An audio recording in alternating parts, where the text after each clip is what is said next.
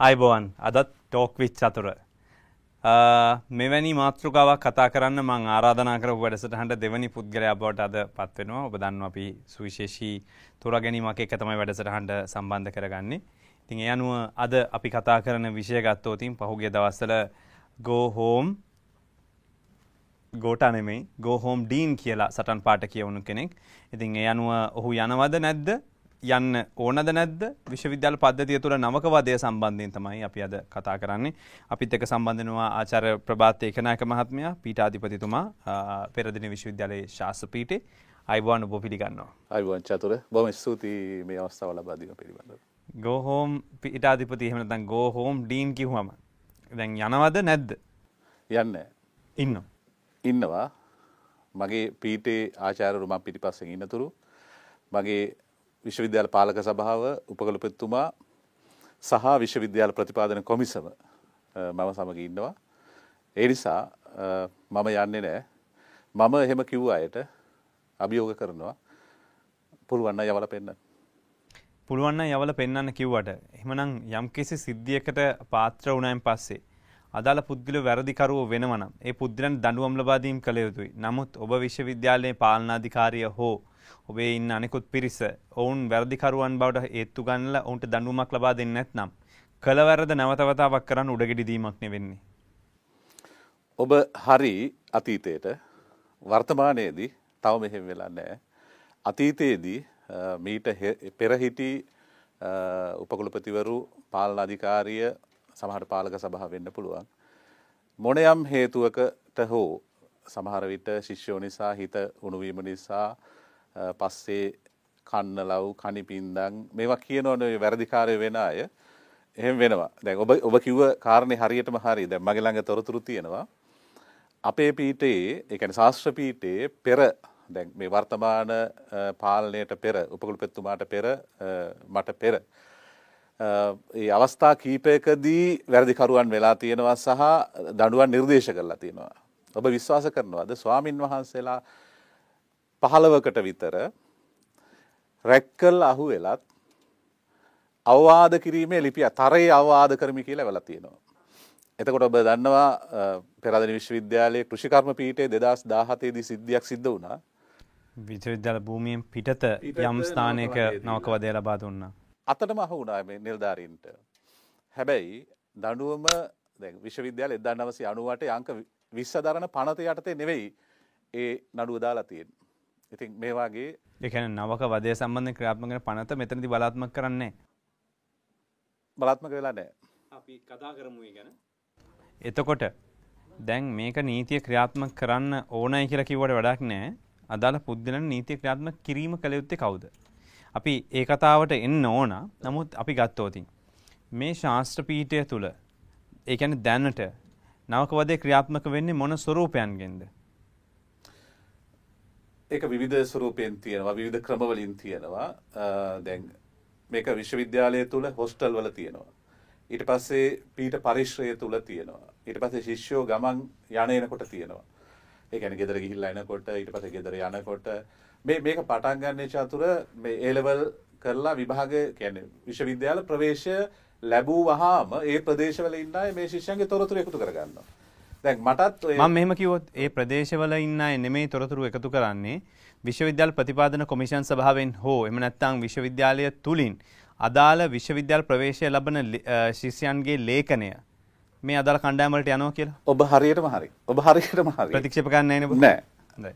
එහෙනම් අනිවාර්යෙන් මේ විශ්වවිද්‍යාල ප්‍රතිපාදන කොමිෂන් සභාවේ සභාපතිතුමාගේ මහාචාර්ය සම්පත් අමරතුංග මහත්මයාගේ ඉඳලා වගකීමක් මෙතන තියෙනවානේ. පැහැදිලිව. විශ්වවිද්‍යාලයට එන්නේ ඉස්සෙල්ලා කොහොමද ලේඛනය පිටතට යන්නේ අදාළ පුද්ගලයන් හොයාගන්න.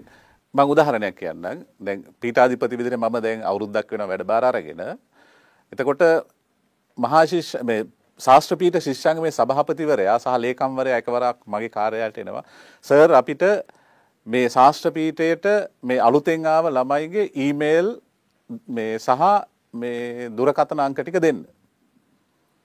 මං කිව්වා ඇයි ඔයාලට එහෙම දෙන්න? මං එහෙම බැඳිලා නැහනේ. මේක රාජකාරී ලිපියන්නේ. නීති විරෝධීනේ එහෙම දෙන එක. නෑ සර් ඉස්සල්ලා පරිපාලනය අපිට දුන්නා. එහෙම තමයි අපි මේ සහයෝගයෙන් වැඩ කළේ. ඒ නිසා ඇයි සර් දෙන්නේ නැත්තේ ඇහුවා. ඊට පස්සේ මං කිව්වා මම ඒකට බැඳිලා නැහැ මම ඔයගොල්ලන්ට දෙන්නේ නැහැ ඒක නීති විරෝධී ඒ විදිහට එන්න එපා මාත් එක්ක ගනුදෙනු කරන්න. ඔතන තමයි පළවෙනි ගැටුම ඇති වුනේ. ඒකට ඒකයි මම කියන්නේ මේ ලේඛන අනිවාර්යයෙන් මේ ශිෂ්‍යයෝ අතරපත් වෙනවා. ඊට පස්සේ මේ ශිෂ්‍යයෝ තමන්ගේ ප්‍රදේශවල ඉන්න ඒ ශිෂ්‍යයන්ට මේවා යොමු කරලා විශ්වවිද්‍යාලයට එන්නත් පෙර තමන්ගේ දේශපාලන බලව්‍යාපෘතිය ක්‍රියාත්මක කරන බවට තොරතුරු ලැබිලා තියෙනවා. එතකොට මේක ඊටාම සංවිධානාත්මකව ජාලගතව සිද්ධ වෙන දෙයක්. එතකොට විශ්වවිද්‍යාලයට පැමිණීමට පෙරම මොළ හෝදලා තමන්ගේ දේශපාලන අන්තේවාසිකයන් විදිහට අනුකාරකයන් විදිහට තෝරාගෙන විශ්වවිද්‍යාලය තුළට ඇවිල්ලා දැන් නව තාක්ෂණයක් තියෙනවනේ. ඒවත් භාවිත කරමින් WhatsApp, Viber, තව social media විවිධ දේවල් පාවිච්චි කරලා මේ ශිෂ්‍යෝ දැන් ඒ කණ්ඩායම් වල තෝරා ගන්නවා නායකයෝ. මේ අයට තමයි පණිවිඩය යවන්නේ. ඒ ඩමි හදා ගන්නවා. හදාගෙන අනිත් ළමයිට ඒවා හුවමාරු කරනවා. එතකොට දැන් මේ මේ අර ਵਿਚාරශීලී බවක් නැති ඒ කියන්නේ විශ්වවිද්‍යාල ශිෂ්‍යෝ කිව්වහම හිතනවා ඒගොල්ලෝ අපි සමාජයේ නිකක් අනිත් අයට වඩා වෙනස් දැනුමක් තියෙන ඒ වගේ මානසිකත්වයක් නැති. එතකොට විප්ලවයට බර කියලා පොඩි අර මේ මානසික තත්ත්වයක් හදා ගන්නවා. හදාගෙන මේ කණ්ඩායමකට වලට එකතු වෙලා විශ්වවිද්‍යාලයට ආවට පස්සේ විවිධ වැඩ පිළිවෙල වෙනස් වැඩ පිළිවෙලක් තියෙනවා මේ අය විශ්වවිද්‍යාලයේ ක්‍රියාවලියට පරිපාලනයේ ක්‍රියාවලියට ඒ වගේම අධ්‍යයන ක්‍රියාවලියට අනුගත නොකර තමන්ගේ ඒ බලව්‍යාපෘති ක්‍රියාත්මක කර ගැනීම සඳහා මේ ශිෂ්‍ය යොදවා ගන්න ස්වභාවයක් විශ්වවිද්‍යාල පද්ධතියේ තියෙනවා. ඒකට එකක් තමයි රැග් එක. ඒතකොට හොස්ටල් වල දෙනවා අර මං කිව්වා වගේ පීටේ දෙනවා, කෑම කන වෙලාවෙත් දෙනවා. තමන්ට අනුගත නොවන ශිෂ්‍යෝ පහර දීලා එලවනවා. දැන් ඔබ පෙරාදෙණි විශ්වවිද්‍යාලයේ සෙනෙට් එක දැන් මේ හැමෝම දන්න දෙයක්. ඒක යට ඉංග්‍රීසි මාධ්‍ය ශිෂ්‍යෝ බත් එක තියාගෙන බිම ඉඳගෙන ඉන්නේ. බත් කන්නේත් බිම තියාගෙන. එතකොට සුනකේ බල්ලොත් ඇවිල්ලා ඒ අයත් එක්ක ඒ බිම නිදාගෙන ඉන්නවා. ඒ කියන්නේ ඉංග්‍රීසි භාෂාව එහෙම නැත්නම් ඉංග්‍රීසි භාෂාව හැසිරීමේ නිපුණතාවය තියෙන එකද ඔවුන් අඩු කොට සැලකීමට හේතු වෙන විශ්වවිද්‍යාලය තුල. පැහැදිලිවම ඒ කියන්නේ දැන් ඉංග්‍රීසි මාධ්‍ය ඉගෙන ගන්නවා නම් ඉංග්‍රීසියෙන් කතා කරනවා නම් ඊළඟට විශේෂයෙන් මේගොල්ලන්ගේ මතවාදයට රැග් එකට අනුගත නොවෙනවා නම් අපි මේක දැන් විශ්වවිද්‍යාලයේ ශිෂ්‍ය මේ හඳුන්වන්නේ ඇන්ටි රැගින් ගෲප් එක කියලා. එතකොට ඒ විදිහට ඒගොල්ලන්ගේ මතවාදයට අනුගත වෙන්නේ නැත්නම් පොදු ස්ථාන පරිහරණය කරන්න දෙන්නේ නැහැ. පැහැදිලි සාක්ෂි තියෙනවා. දැන් අර පහුගිය දවස්වල ඇති වුණු සිද්ධියත් එහෙම එකක්. ඉතින් ඒ ඒ ශිෂ්‍යයන්ට කැන්ටින් එකට එන්න දෙන්නේ කෑම කන්න පවා. ඊළඟට බැච් ෆොටෝ එකකට ගන්න නෑ බැච් ට්‍රිප් එකක් එක්ක යන්නේ නෑ ඊළඟට වෙන පොදු වැඩසටහන් වලට විශ්වවිද්‍යාලයේ තියෙන විෂය බාහිර විෂය සමගාමී ක්‍රියාකාරකම් මේවා එකකටවත් මේ අයට එන්න දෙන්නේ නෑ. පළව හැරලා තියෙන්නේ. මේක බොහොම සාක්ෂි සහිතව පැහැදිලිව මම කියන්නේ. දැන් විශ්වවිද්‍යාලයට නවක ආචාර්යවරු බඳව ගන්නකොට චතුර ඉන්ටර්වයු එකට එනවා බොහොම විශිෂ්ට ඇකඩමිකලි බොහොම සවුන්ඩ් නොලෙජ් එකක් තියෙන ක්වොලිෆයිඩ් ඒ කියන්නේ සුදුසුකම් තියෙන පිරිස්. හැබැයි දැන් ওই විශ්වවිද්‍යාලයේ බඳවා ගැනීමේ ක්‍රයිටීරියාස් වල ඒ නිර්ණායකවල තියෙනවා. විෂය බාහිර ක්‍රියාකාරකම් එක්ස්ට්‍රා කරිකුලර් ඇක්ටිවිටීස් මොනවද ඒවා කළේ? Uh, during your undergraduate period කියලා. මේ අය ඉංග්‍රීසි මාධ්‍ය ඉගෙන ගත්ත අය මොනවත් නෑ අර පාසලේ කරලා තියෙනවා සමස්ත ලංකා මට්ටමේ බොහොම විශිෂ්ට දක්ෂතා දක්වලා තියෙනවා. මේ විවිධ වැඩසටහන් වලදී විවිධ ක්‍රීඩා තරඟවලදී. හැබැයි විශ්වවිද්‍යාලය තුල කිසිම දෙයක් කරලා නෑ. ඇයි කියලා හුවම කියනවා අනේ සර් අපිට මේ they don't allow us to do that.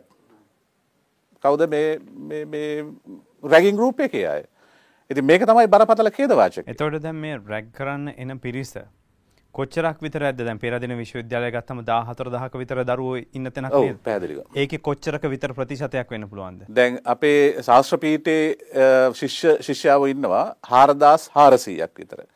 මේකෙන් දැන් වැඩිපුරම ඉන්නේ ගැහැණු ළමයි. 90ක් විතර ඉන්නේ ගැහැණු ළමයි 10ක් විතර තමයි පිරිමි ළමයි ඉන්නේ. එතකොට මේ අයගෙන් 10%ක විතර ප්‍රතිශතයක් තමයි සමස්තයක් විතර ගත්තොත් මේ මේ මේ ක්‍රියාවලියට යොමු වෙලා තියෙන්නේ. හැබැයි මේ 110 400ක් උපරිම. උපරිම. උපරිම ඊටත් අඩු ප්‍රමාණයක් ඉන්නේ. හැබැයි මේ අය ට සහය දෙනවා අර මේ මධ්‍යස්ථයි කියලා දැන් ගැහණු ළමයි ඉන්නවා මෙතන පැහැදිලිවම. ඒ අය සහය දෙනවා. එතකොට මේ අර නිහඬව ඉන්න පිරිසක් ඉන්නවා මේක දැක දැක.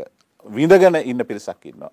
එතකොට මේ 400 මේක මෙහෙවන්න මූලික වෙන්නේ ශිෂ්‍ය සංගම් වල නියෝජිතයා.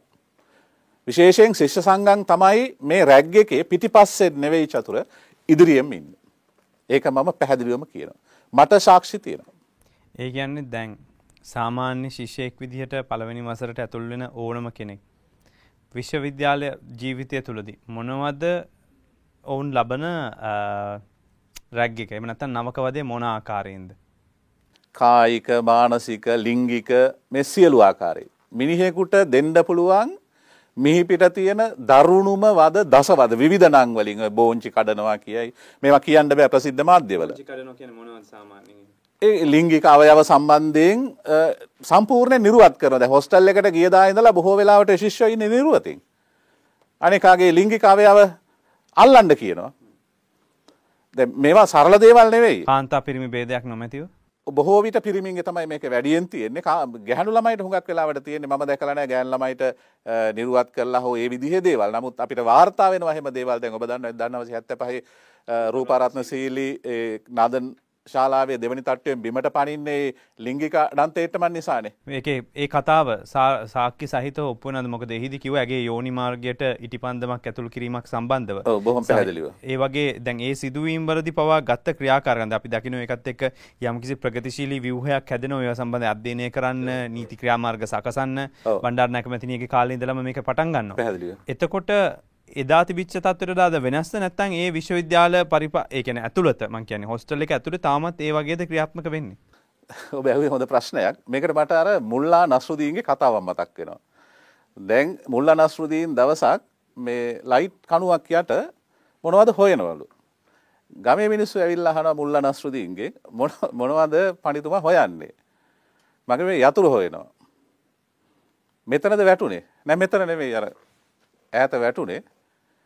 ඉතින් මෙතන හොයන්නේ. ඉතින් මෙතනනේ එළිය තියෙන්නේ. අතන කරුවලයිනේ යතුරු වැටුන දර කරුවලයි. ඒකයි මම මෙතන හොයන්නේ.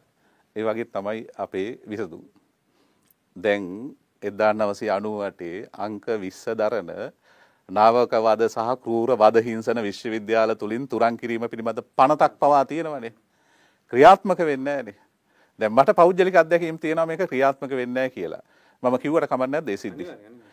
දැන් එක අවස්ථාවක මීට පෙර පීඨාධිපතිනියක් හිටියා දැනුත් ඇතුමිය මේ අපේ පීඨේ ජ්‍යෙෂ්ඨ මහාචාර්යවරයෙක් විතර වැඩ කරනවා.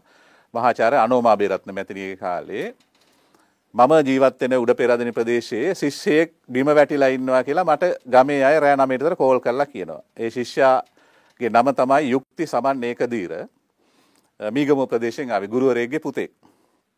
මේ ශිෂ්‍යයා ටිකක් එඩිතරයි බය නැහැ. කතා කරනවා. ඉතින් ශිෂ්‍ය අරගෙන ගිහිල්ලා උඩ පෙරදින ප්‍රදේශ කැම්පස් එකට යාබද ප්‍රදේශයේ මේ ශිෂ්‍යයාට පහර දීලා ශිෂ්‍යයා සිහි නැති වෙලා ඉන්නකොට තමයි ගමේ අය ගමේ අය මාව දන්නවනේ විශ්වවිද්‍යාලේ වැඩ කරන්නේ කියලා. ඒ අය මට කෝල් කරනවා.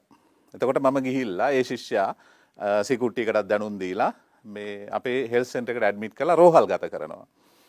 එතකොට ඒ ශිෂ්‍යයා අඳුනා ගන්නවා මේ මේ මේ පහර දුන්නු අය. ඉතින් මේ අඳුරගෙන අපි ඒ අය සස්පෙන් කරලා විශ්වවිද්‍යාලයෙන් තාවකාලිකව පන්ති තහනම් කරලා පොලිසිරත් දැනුම් දෙනවා. පොලිසියනුත් ඒ අත්අඩංගුවට අරගෙන මේගොල්ලන්ගේ නඩුව යනවා. එතකොට ඒ කාලේ විශ්වවිද්‍යාලයේ බලධාරීන් දැන් මම මේකේ අතරමැදියෙක්නේ මම මේකට සම්බන්ධ වුණා සාක්ෂිකාරයෙක් තමයි. මම මේ ශිෂ්‍යයා වෙනුවෙන් පිහිට වෙන්නනේ. ඊට පස්සේ මම මේ මේ ශිෂ්‍යයාට විවිධාකාරයෙන් උදව් කරා මේ පාඨමාලාවේ රැඳී ඉන්න. හැබැයි විශ්වවිද්‍යාල බලධාරීන් මගෙන් ඇහුවේ ඔයාගේ නඩුව කියලා. දැන් උසාවියට යනකොට මම තනියෙන් යන්න ඕනේ. මම ලෝයට වියදං කරගෙන. දැන් අනෝමා බේරත්න මහාචාර්යතුමිය සහ මම විතරයි අන්තිමට ඉතුරු වුණේ විශ්වවිද්‍යාල බලධාරීන්. ඒ ඒ කාර්ය අපිට පවරලා අපි ඇතෑරියේ නෑ. අපි මහාචාර්යතුමියත් එක්ක මීගමුවේ ගෙදර ගිහිල්ලා ඒගොල්ලන්ගේ දෙමව්පියන් සනසලා ඒ ඒ නඩුව දිගටම ගෙනිච්චා.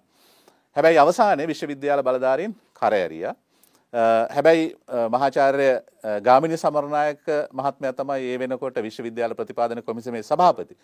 එතුමා මේ පිළිබඳව විමර්ශනය කළා ඊටාම මේ තද ප්‍රතිපත්ති අනුගමනය කළා. අපිට ඒ දරුවට උදව් කරන්න මුදල් පවා වෙන් කරලා තිබුණා විශ්වවිද්‍යාලයට. අපි එහෙම කරා.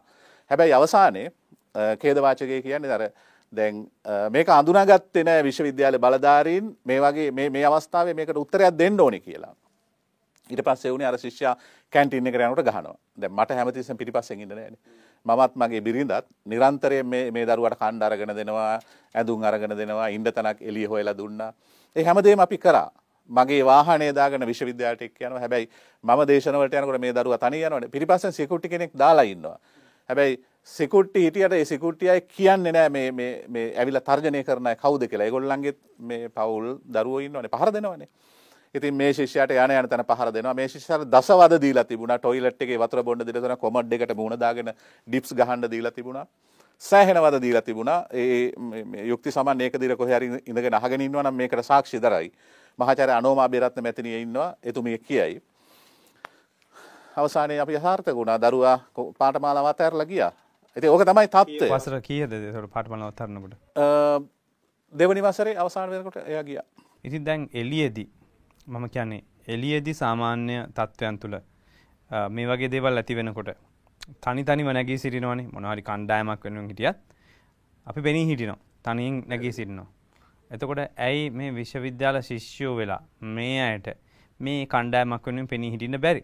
කියන්නේ තමන් අකමැති දෙයක් තමන්ට කරනවා නම් ඉතින් ඔවුන් කරන්නේ පහර දීමක් නම්. ඇයි අනිත් අයටත් ඒකම පෙරලා කරන්න බැරි? මම මේක පහර දීම අනුමත කරන එකක් නෙමෙයි මං අහන්නේ. ඇයි මේකට ප්‍රතිගාමී බලවේගයක් විශ්වවිද්‍යාල තුළ හැදෙන්නේ නැත්තේ ඒකට විවිධ හේතු තියෙනවා. එක පැත්තක් තමයි මේ ඔය විරුද්ධ වෙන ශිෂ්‍ය ප්‍රමාණය අ, කියන්නේ ඒකට එරෙහිව නැගී සිටින ශිෂ්‍ය ප්‍රමාණය අඩුයි.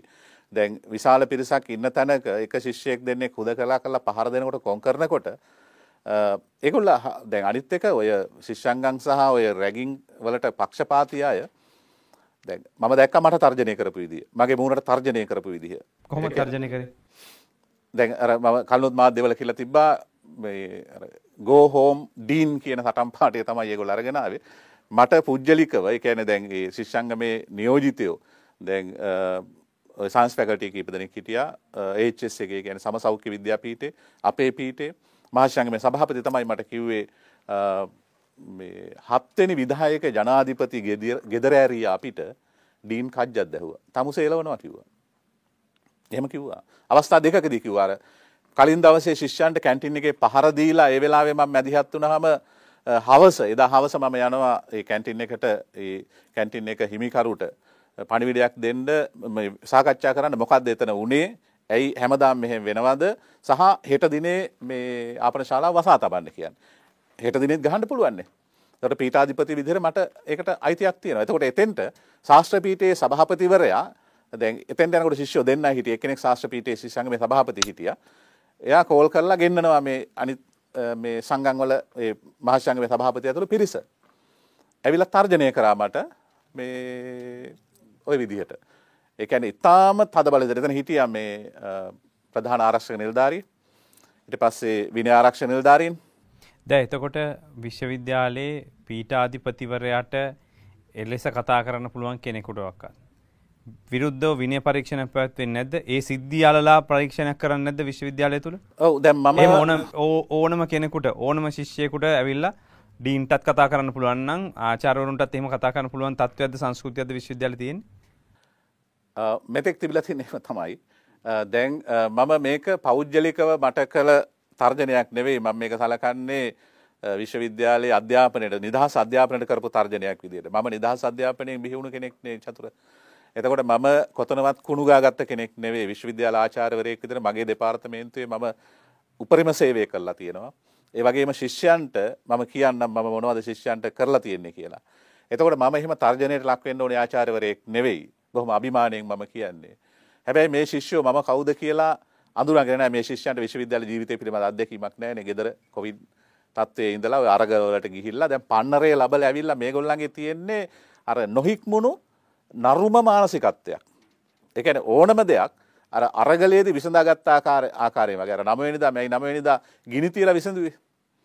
ගෙවල් ගිනිතියලා මන්ත්‍රියවරු ඝාතනය කරලා විසඳුවේ.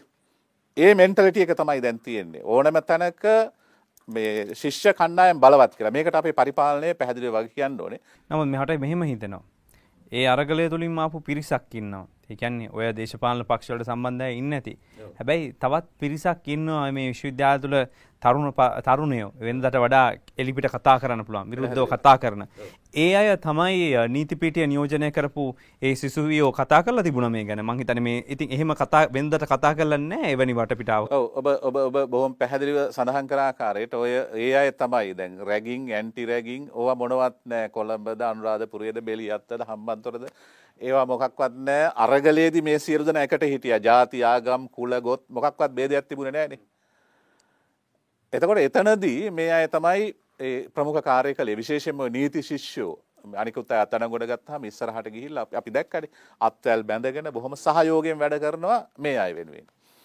හැබැයි මෙතනදී අර නැවත ආපහු විශ්වවිද්‍යාලයට තමන්ගේ ශේම භූමියට ආවහම තමන්ගේ අර වපසරියට ආවාම අර තමන්ගේ ගේලඟට එනකොට බල්ලොත් එහෙමනේ. සද්ද දාන්නේ වෙලාවේ. සද්ද දාන්නේ ගේසර. එතකොට මේ තමන් වෙනුවෙන් පෙනී හිටපු අරගලේ හිටපු නීති ශිෂ්‍යයෝ මේ අය තමයි හිටියේ කියලා හිතන්නේ නැහැ. එතනදී ඒගොල්ලෝ රැග් කරනවා. අනේ ඔකදෙට ලක් කරනවා. රැග් නෙවෙයි කණ්ඩ දෙන්න ගහලා එලවනවා. ඒකනේ උනේ කැන්ටින් එකේ. එතකොට කැන්ටින් එකේ ගහන්නේ ගැහණු ළමයෙකුට පහර දෙන්නේ. එක්කෙනෙකුට නෙවෙයි. එතන හිටියා මං හිතන්නේ ළමයි 10ක් 15ක් හිටියා මම සංඛ්‍යාව දන්නේ නැහැ. එතකොට පිරිමි පාර්ශවයෙන් පහර දීම සිද්ධ වෙනවා. ඔව් පයින් ගහන්න. එතකොට දැන් මේකෙදි කාන්තාවක් සම්බන්ධයෙන් ක්‍රියාත්මක නීති පද්ධතිය ලංකාවේ තියෙනවා පැහැදිලිවම. සහ ඇයට කාන්තාව කොච්චර සුරක්ෂිත කරලා තියෙනවද නීතිය තුලින් පසුතාවයක් අප්‍රසන්නතාවයක් ඇති වෙන ආකාරයට කටයුතු නොකළ යුතුයි කියලා පැහැදිලිව නීතිය තියෙනවා. ඉතින් ඔය එකක්වත් විශ්වවිද්‍යාල තුල ක්‍රියාත්මක නැද්ද? මුදානුගත් ප්‍රදේශ. මුදානුගත් ප්‍රදේශ මේවා. ඔබ කියන්නේ දැන් ඔබේ වීඩියෝ පටිය නරඹුවා නම් ඒකේ අසභ්‍ය වචන YouTube එකවත් දාන්න බෑනේ. දාලා නැහැ ඒවත් අර බීෆ් කියලා දාලා තියෙන. ඒ තරම් තිරසම් වචන කියලා බනින්නේ. ඔය විතරක් නෙවෙයි රැග් එකේදී ඉතින් ඔය ළමයින්ගේ සම්පූර්ණ හිරියොතක් බින්දිනවා. ෆයිල් වල කුණුහරුප ලියන්නේ. දැන් මේ මේවා මේ දැන් සමහර අය කියන රැග් එකේ සමහර සුන්දර ඒවා තියෙනවා කියලා. එහෙම සුන්දර රැග් හා අසුන්දර රැග් කියලා જાතියක් නැහැ. දෙකම හිංසනය. සම්පූර්ණ. ඒ නිසා තමයි විශ්වවිද්‍යාලය තීරණය කරලා තියෙන්නේ tolerance. ඒ කියන්නේ අපි කිසිම සහනශීලීත්වයක් නැහැ රැග් එක සම්බන්ධයෙන් අපි මේ රැග් කරන අයට. හැබැයි මේ පාර ඔබතුමල්ලා විශ්වවිද්‍යාල ආචාර්යවරු විදියට අපිට ස්තුතිවන්ත වෙන්න පුළුවන් ඔක්කොමලා එක තැනක හිටන් ඉන්නවා. මොකද්ද මේ වෙනස එහෙම ඇති වෙන්න හේතුව? දැන් මේක කාලාන්තරයක් තිස්සේ බලන් හිටියනේ. දැන් කාලාන්තරයක් තිස්සේ බලන් ඉඳලා දුක් විඳිනවා විඳිනවා ළමයි පැමිණිලි කරනවා එක ළමයෝගේ ඔය ජජ් කෙනෙකුගේ මට නම මතකයි නමුත් මම මේලා නොකිය ඉන්නම්. අ, එයාගේ පුතාට පහර දෙනවා කන පැලෙන්න ගහනවා. කන් අඩිය පුපුරනවා. ඊට පස්සේ වරදකරු වෙනවා පැමිණිලි ගිහිල්ලා සෑහෙන කාලයකට පස්සේ වරදකරු වෙනවා වරද වර දෙන්නෙක්. අවුරුදු දෙකකට පන්ති තහනම් කරනවා මෑතකදී ඒක අවුරුද්දකට අඩු කරනවා. දැන් ඒ- ඒගොල්ලන්ගේ මොකක් හරි ඔය අ, ඉල්ලීමක් මත අභියාචනා කරන්න පුළුවන්. ඒ අඩු කිරීම පිළිබඳවත් මට ගැටලු තියෙනවා. දැන් එහෙම කමන්නේ කියමුකෝ. එතකොට අර දරුවගේ කන් බෙරේ කවුද ගෙවන්නේ? ඒකට මොකද්ද වටිනාකම? අපි ගෙව්වේ නෑනේ ඒකට. ඒකට ඒක ඒකට ඒ- ඒක කොහොමද තක්සේරු කරන්නේ දරු- දරුවගේ කන් බෙරේ? සහයකින් ඔහුගේ මානසික පීඩාව, අධ්‍යාපන නැති වෙච්ච පීඩාව සහ එතකොට මේ වගේ බරපතල තැන් තියෙනවා. හැබැයි මේවා කාලාන්තරයක් තිස්සේ විඳලා විඳලා දැකලා දැකලා ආචාර්යවරු කලකිරලා හැටි සමහර ආචාර්යවරු දැන් මහාචාර්ය අර්ජුන පරාක්‍රම විශිෂ්ට මහාචාර්යවරයෙක් අපේ දෙපාර මේ පීඨේ ඉන්න. ඒ වගේම අ, සුමති සිවමෝහන් අ, මහාචාර්යතුමිය මේ අය මැදිහත් වෙනවා. එතකොට දැන් ශිෂ්‍යෝ මේ අය තනි කරලා පහර දෙනවා. දැන් අ, මට මතකයි මගේ බැච් එකේ අ, මේ මේ ලෙක්චර් කෙනෙක් හිටියා. ඉංග්‍රීසි අංශයේ හිටියා මේ මේ අ, ආචාර්යවරියක්. එතුමියගේ එතුමියට මේ ඉතාම නින්දිතට බැනවදිනවා. එතකොට එතුමියගේ වාහනයට අලාභහානි කරනවා. මේ වගේ දේවල් දිගින් දිගටම දිගින් දිගටම පීඨේ ආචාර්යවරු වින්දා. විශ්වවිද්‍යාලයේ අ, ආචාර්යවරු විඳිනවා මේවා. එතකොට දරුවෝ දුකේ දුකටපත් කරනවා. පහර දෙනවා, එලවනවා. ඒගොල්ලන්ගේ අ, ශාරීරික හිංසා කරනවා, මානසික හිංසා කරනවා. අ, ලිංගික අඩන්තේට්ටම් කරනවා. එතකොට මේවා අපි දැක්කනේ. හැබැයි ප්‍රශ්නය වුණේ මේවට එරෙහිව නැගී හිටින්න කෙනෙක් හිටියේ නෑ. අර අ, ආචාර්යවරු හුදකලාව තනි තනිව නැගී ඉන්නකොට මේ ශිෂ්‍යෝ සංවිධානගතව ඒ අයට අ, ඒ අයව විවේචනය කරනවා, එයාට බැනවදිනවා, හූ කියනවා, තර්ජනය කරනවා. මේ වගේ චණ්ඩිකම ප්‍රචණ්ඩත්වයේ මුදාහරිනවා. හැබැයි මේ වෙලාවේදී දැන් මම පීඨාධිපතිවරයා දැන් මැදිහත් වුණානේ මේකට. එතකොට දැන් අ, හැමෝම කිව්ව දෙයක් තමයි දැන් මම ඍජුව මැදිහත් වුණා පහර දෙන වෙලාවේ මම තමයි ගිහිල්ලා ළමයි අල්ලගෙන එන්නේ. මට පීඨාධිපති කාර්යාලයට ඇහෙනවා මේ හූ කියනවා කුණුහරුප කියනවා කෑ ගහනවා. ඒ විශාල ගෝසාව ඇහෙනවා. ඉතින් මම ඒ වෙලාවේ ඒ මගේ කාර්යාලයේ හිටියේ මම දුවගෙන යනවා. එතකොට මගේ පිටිපස්සෙන් තව ආචාර්යවරු මහාචාර්ය පිරසාන්තන් වගේ අය එනවා දුවගෙන. ඉන්ද්‍රරතන හාමුදුරුවෝ එනවා. එතකොට මම අල්ලගෙන එනවා. එතකොට මහාචාර්ය අර්ජුන පරාක්‍රම මට කියනවා මේ මේ සැරේ තමයි දැක්කේ හරියටම මැදිහත් වෙන ඩීන් කෙනෙක් කියලා. කියන්නේ මං ගැන පම්පෝරි ගහනව නෙවෙයි මම. ඒක කීප දෙනෙක් කිව්වා. ඔය මහාචාර්ය අර්ජුන පරාක්‍රම විතරක් නෙවෙයි.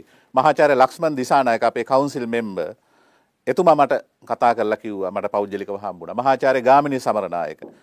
මහාචාර්ය මද්දුම බණ්ඩාර. මහාචාර්ය මාලනී අඳගම මැතිනිය කැලණි විශ්වවිද්‍යාලය මට පණිවිඩයක් වෙලා තිබ්බා.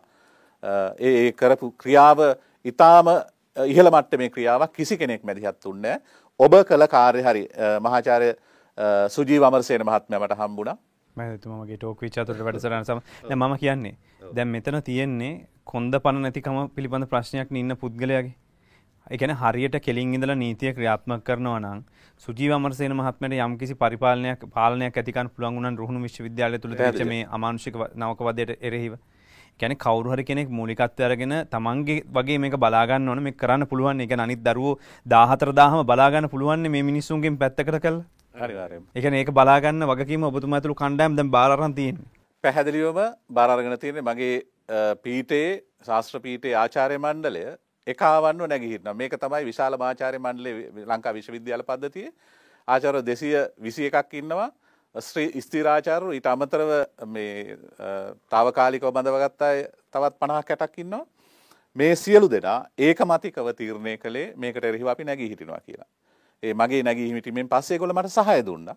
ඒක දිගටම පවත්වාගෙන මේගොල්ලන්ට කල් දුන්නා අපි සතියක් කල් දුන්නා එකඟතාවයකට එන්න පහර දෙන්නේ නැහැ. මේ පොදු ස්ථාන ශිෂ්‍යයන්ට අපි පරිහරණය කරන්න දෙනවා.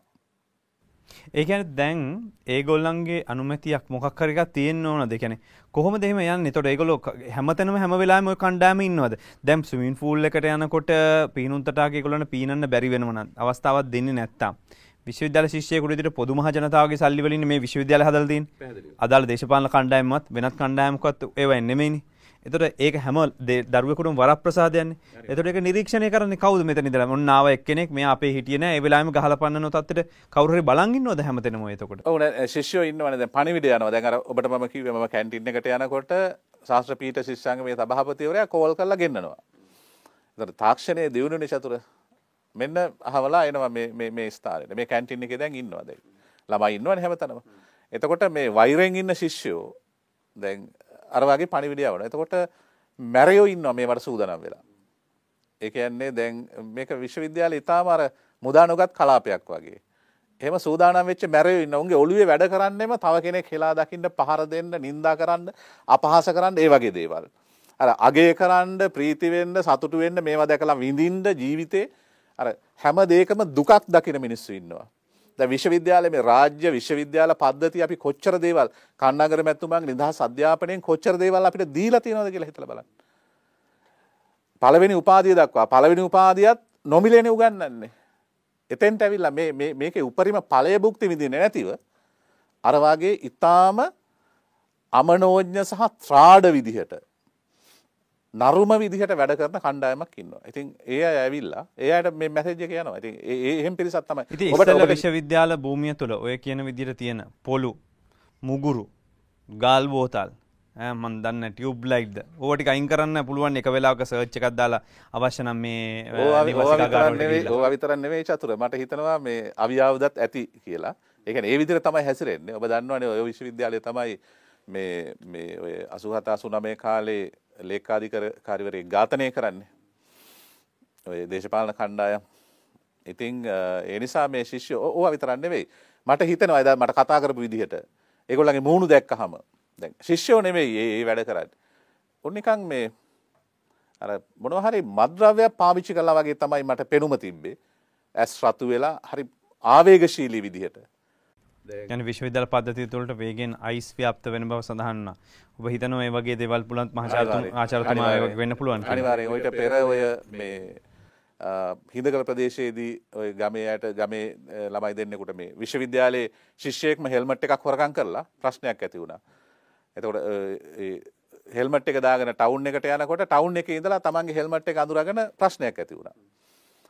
ඊට පස්සේ හෙල්මට් එක ඉල්ලගන්න මේ ගලහා හන්දියට එන්න කියලා ඒ තරුණයාට දැන් හෙල්මට් එකේ අයිතිකාරයාට ශිෂ්‍යයෝ තමයි හොරකම් කරලා තියෙන්නේ.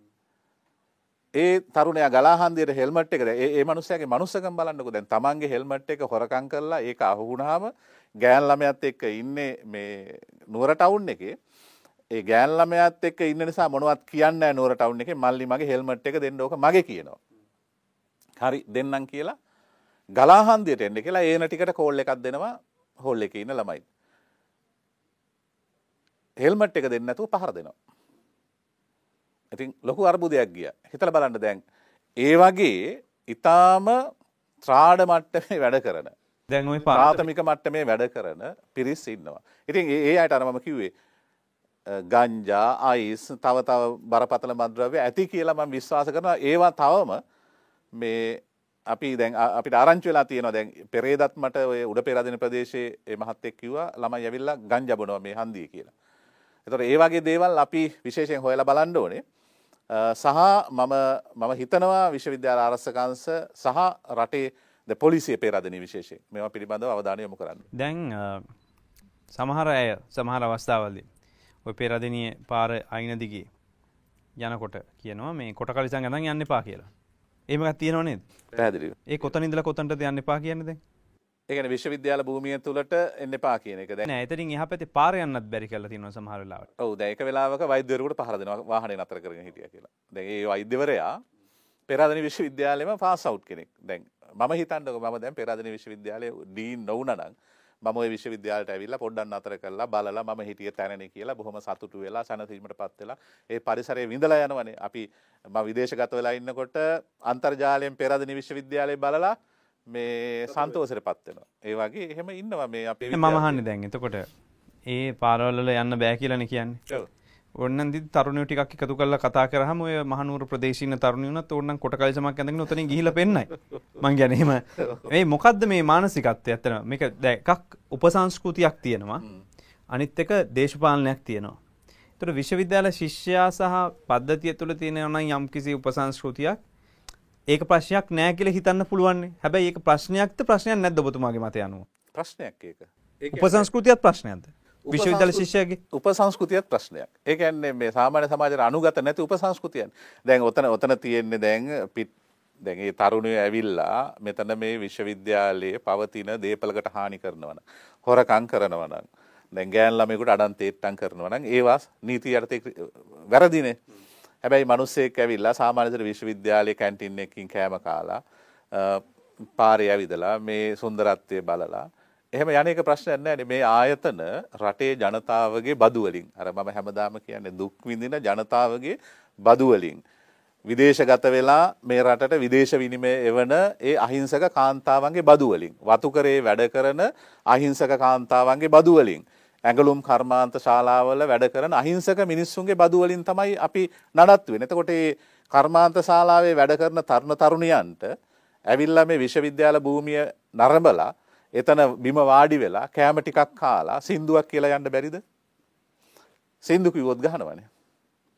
ඇයි තමුසලා මොකද මෙතන කෑ ගහන්නේ? ඔය ඔය වගේ ඔය පහර දීම් ඔය වගේ ඒ දැන් උඩ පෙරාදෙනියට යන පාරේ බස් නවත්තාගෙන එක වෙලාවක ඔය මහාචාර්ය දංගොල්ල මහත්මයා ඉන්න වෙලාවක මේ විනය පාලක විදිහට ලොකු ප්‍රශ්නයක් ඇති වුණා හැම.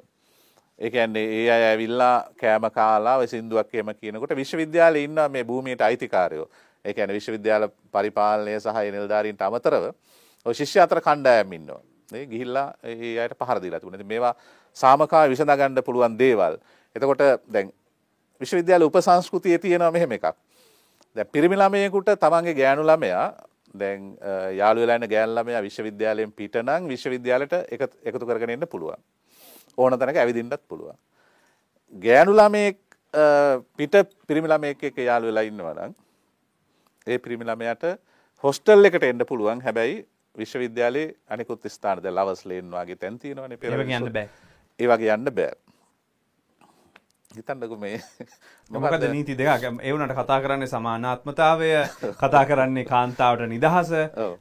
එක හා සමාන ඒකට විවිධ හේතු අයිතිවාසිකම් කියනවා ඉතින් මේ ඔකට විවිධ නම් තියෙනවා කිය- මෙතන කියන්න බෑ ප්‍රසිද්ධියේ. ඉතින් ඔය ඔය- විදිහේ අර වහබ්වාදී ඊටත් අන්ත අන්තගාමී වැඩසටහන් තමයි ක්‍රියාත්මක වෙන්නේ. මේ විශ්වවිද්‍යාලය තුළ දැන් ගත්තොත් අ, විශ්වවිද්‍යාල පද්ධතියේ දැන් දෙදාහය සංඛ්‍යාලේඛන ගත්තත් IT සෙක්ටර් එකෙන් අවශ්‍ය කරන පුද්ගලයෝ හදන්නේ 20000න් 3000ක විතර ප්‍රමාණයක්. ඒතර 11000ක් විතරම හදන්නේ මේ කලා ශාස්ත්‍ර වලින්, කලාංශය ඉගැන්වීම් වලින්. මෙතන සමහර වෙලාවට තියෙන නිදහස, වැඩ කරන්න තියෙන අ, වැඩ කරන්න තියෙන කාලය මේ ඔක්කොමත් එක්ක නෙමෙයිද මේක ති- වෙන්නේ. මං අහන්නේ මේක වෙනුවට මේ ශිෂ්‍යයා ටිකක් බිසි වුණොත් ඇත්තටම ඉගෙන ගන්න තව තව දේවල් එකතු කරොත් විෂයමාලා වෙනස් වුණොත් මේ තත්ත්ව වෙනස් වෙන එකක් නැද්ද?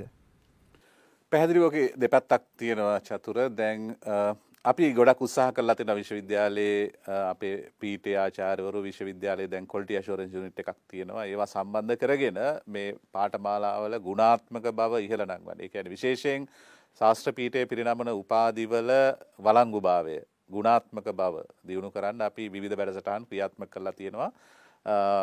පීඨය තුලත් විශ්වවිද්‍යාලයේ නිර්දේශ මතත් සහ රටේ අවශ්‍යතාවය මතත් ම උදාහරණ විදිර කිව්වොත් අපි මෑතකදී අපේ තොරතුර තාක්ෂණ දෙපාර්තමේන්තු අපි පිහිටෙව්ව සති දෙකට විතර උඩින් එතකොට අංශාධිපතිනියක් පත් කරලා ඒක අලුතෙන් පටන් ගත්තා අපි. එතකොට ඊට අමතරව අපි එතන සිව්කෝ කියලා. ඒ කියන්නේ අපි ඔය මේ මේ ආයතන වලට යොමු කරලා ළමයි ඒ වෘත්තීය පුහුණුව ලබා දෙන්න.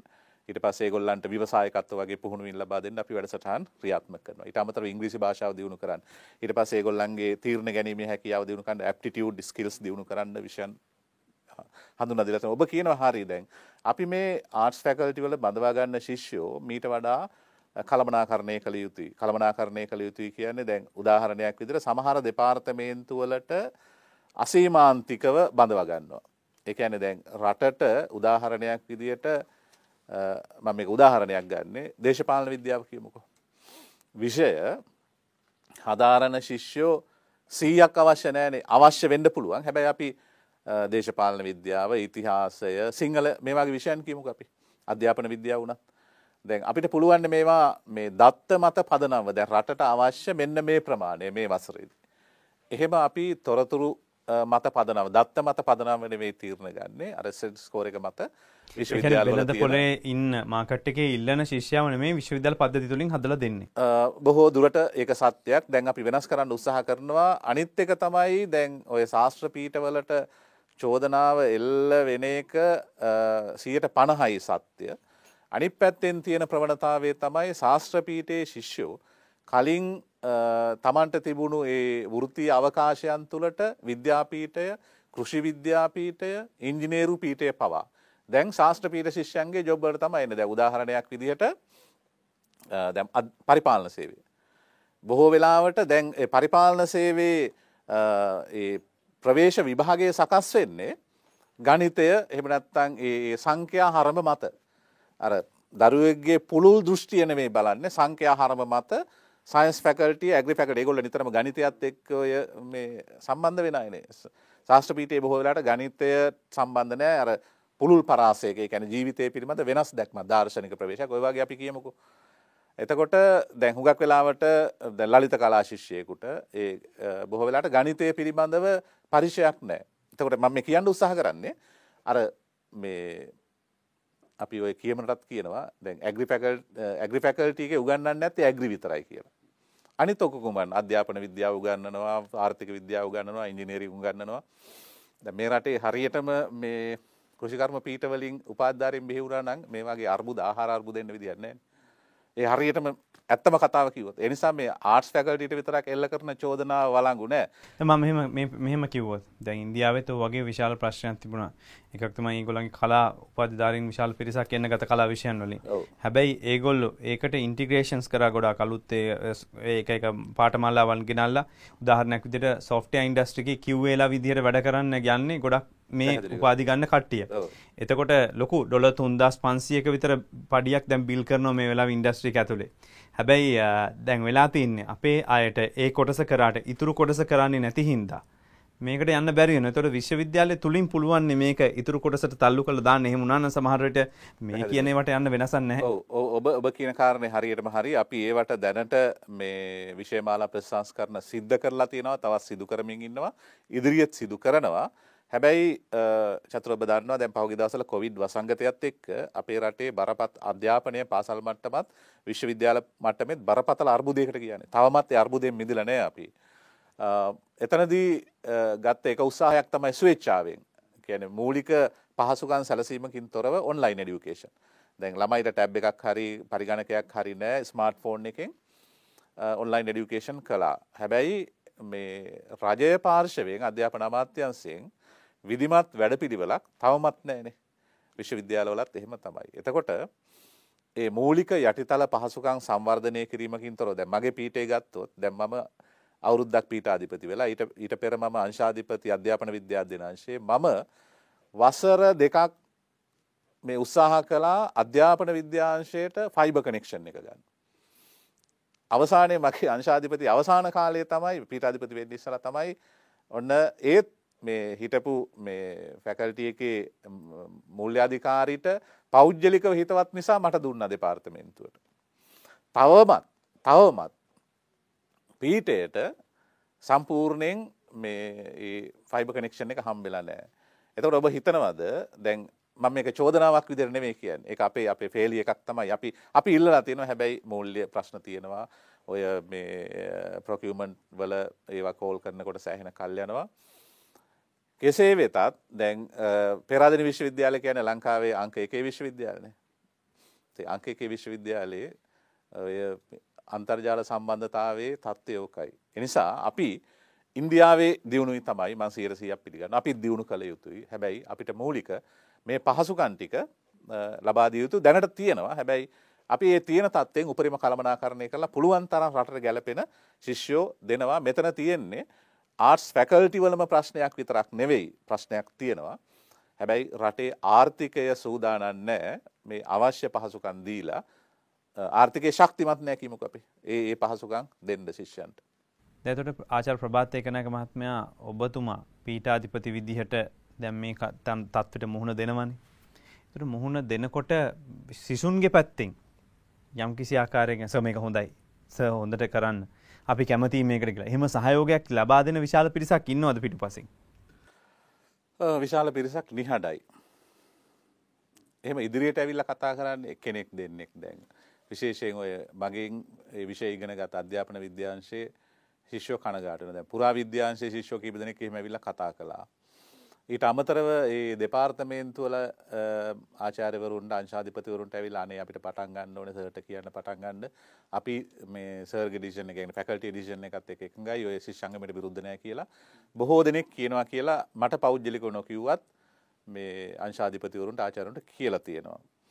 දැන් මෙතන ප්‍රශ්නේ තියෙන්නේ ඔබට මම මේ අර මේක මෙහෙම කිව්වොත් හරිය දැන් අර කපුගේ මහත්තයාගේ ගීතයක් තියෙනවා.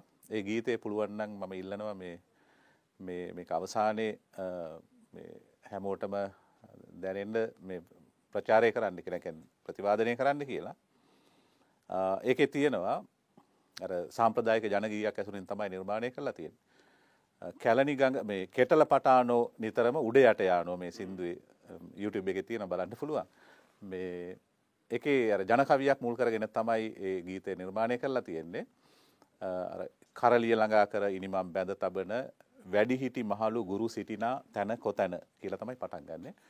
එතකොට ඒක අර ජනකවිය තමයි කැලණි ගඟානෝ නිතරම වතුර ගලානෝ කෙටල පටානෝ නිතරම උඩ යට යානෝ මී හරකානෝ නිතරම ඔළුව වනානෝ ඇටිකිති ජානෝ නිතරම ජෙඟ ජෙඟ ගානෝ දැන් කැලණි ගඟේ නිතරම වතුර ගලනවා කෙටල ගස්වල අතු ඉහළ පහළ යනවා මී හරක් නිතරම ඔළුව වනනවා ඇටිකිච්චෝ ගෙම්බෝ නිතරම ජෙඟ ජෙඟ ගාලා කෑ ගහනවා.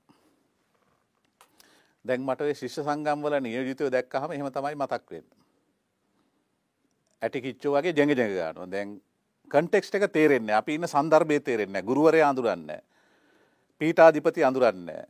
විශ්වවිද්‍යාලයේ උපකුලපතිතුමා අඳුරන්නේ නැහැ. ඒක මට විශේෂයෙන් කියන්න ඕනේ. දැන් අර සමසෞඛ්‍ය විද්‍යාපීඨයේ සංගමේ සභාපති මම ඔය විශ්වවිද්‍යාල ජීවිතේ අනුව එක ඉඳලා ඉන්නවා ඒ තමයි පළවෙනි වතාවට එහෙම අසභ්‍ය විදිහට මහාචාරවරයෙකුට විශේෂඥ වෛද්‍යවරයෙකුට විශේෂයෙන්ම උපකොළපතිවරයෙකුට ආමන්ත්‍රණය කරන්නේ.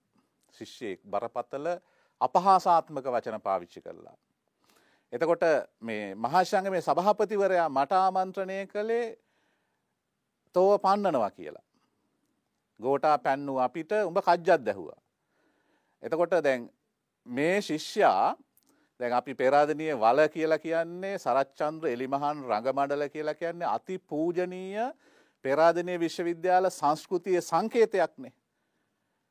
දැන් පහුගිය දවස්වල නාට්‍යයක් තිබුණා. විශාල ශිෂ්‍ය ප්‍රමාණයක් ඉන්න මේක පරිපාලනයක් දැනගන්න ඕනේ. මේ අය පුම්බන් නැතුව මේ මේ මේ වගේ තැන්වල කතා පවත්තන්න ඉඩ දෙන්න ඇතුව මේ ගොල්ල බැහැර කරන්න. හැබැයි මහාශංග මේ සභහපතිට කතාව දුන්න හම මෙයා කතා කරන්නේ දේශපාලනය ගෝටා පැන්නූ අපිට රනිල් පන්නන එක ප්‍රශ්නයන්න වෙයි පන්නනවා පන්නනවා පන්නනවා කියනවා.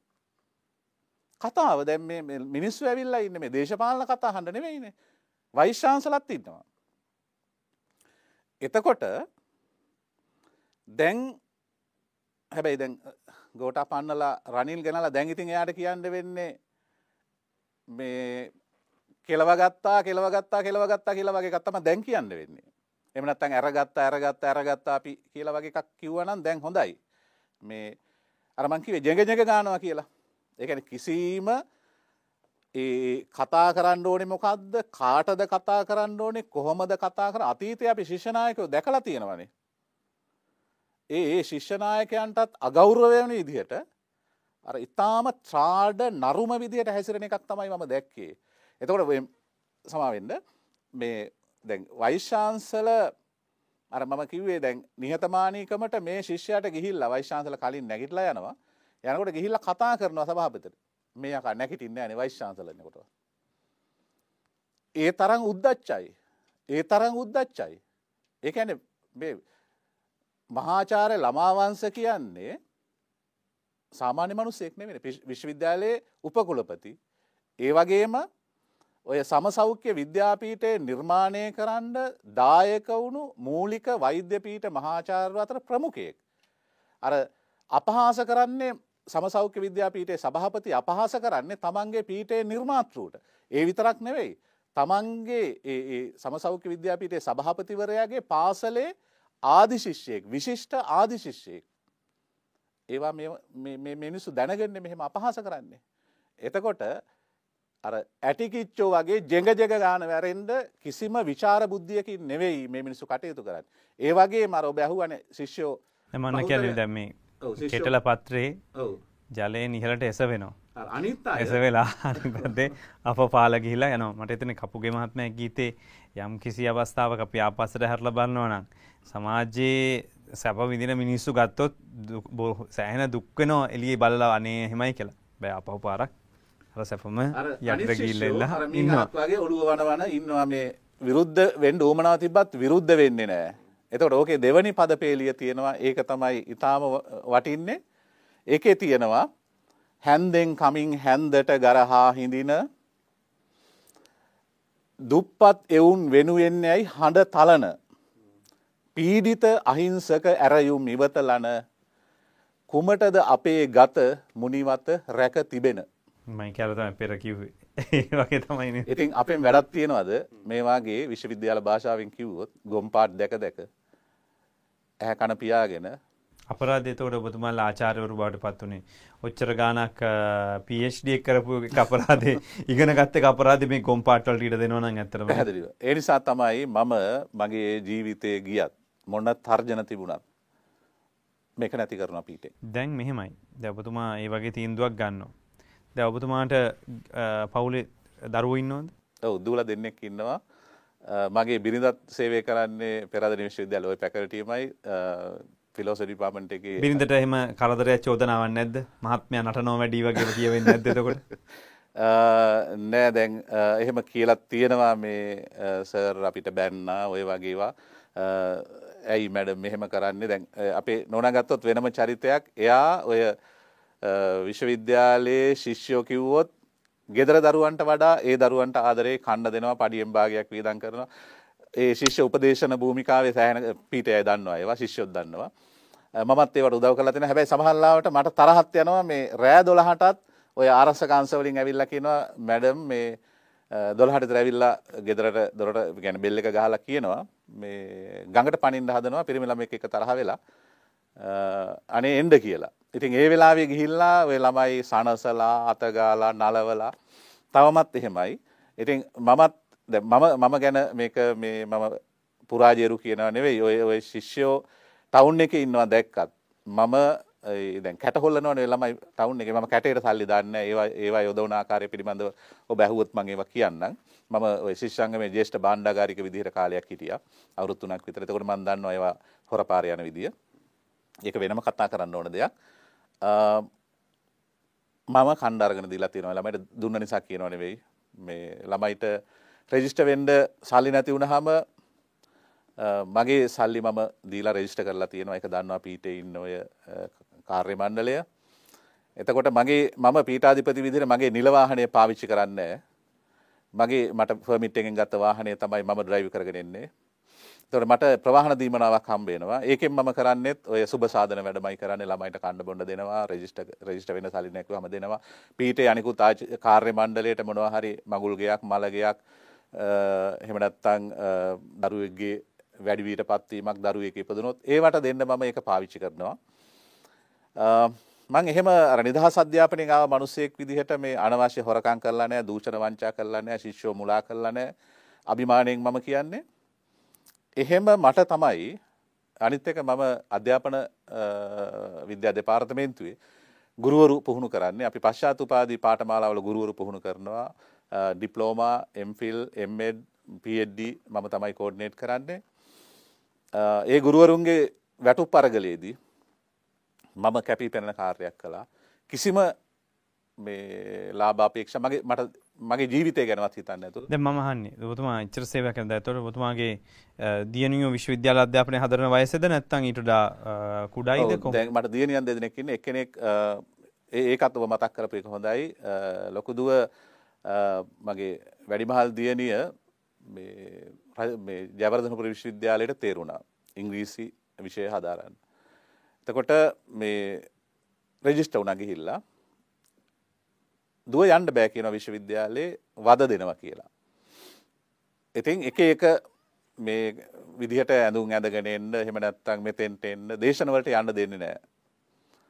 මගේ මිත්‍රය මට උදව් කළා ඔය මේ මහාචාර්ය යාපා රත්න ඊට පස්සේ ආචාර්ය නිශාන්ත හෙට්ටිආරච්චි මේ අය මට උදව් කළා මම ගිහිල්ලා විශ්වවිද්‍යාලේ ඉඳගෙන හිටියා.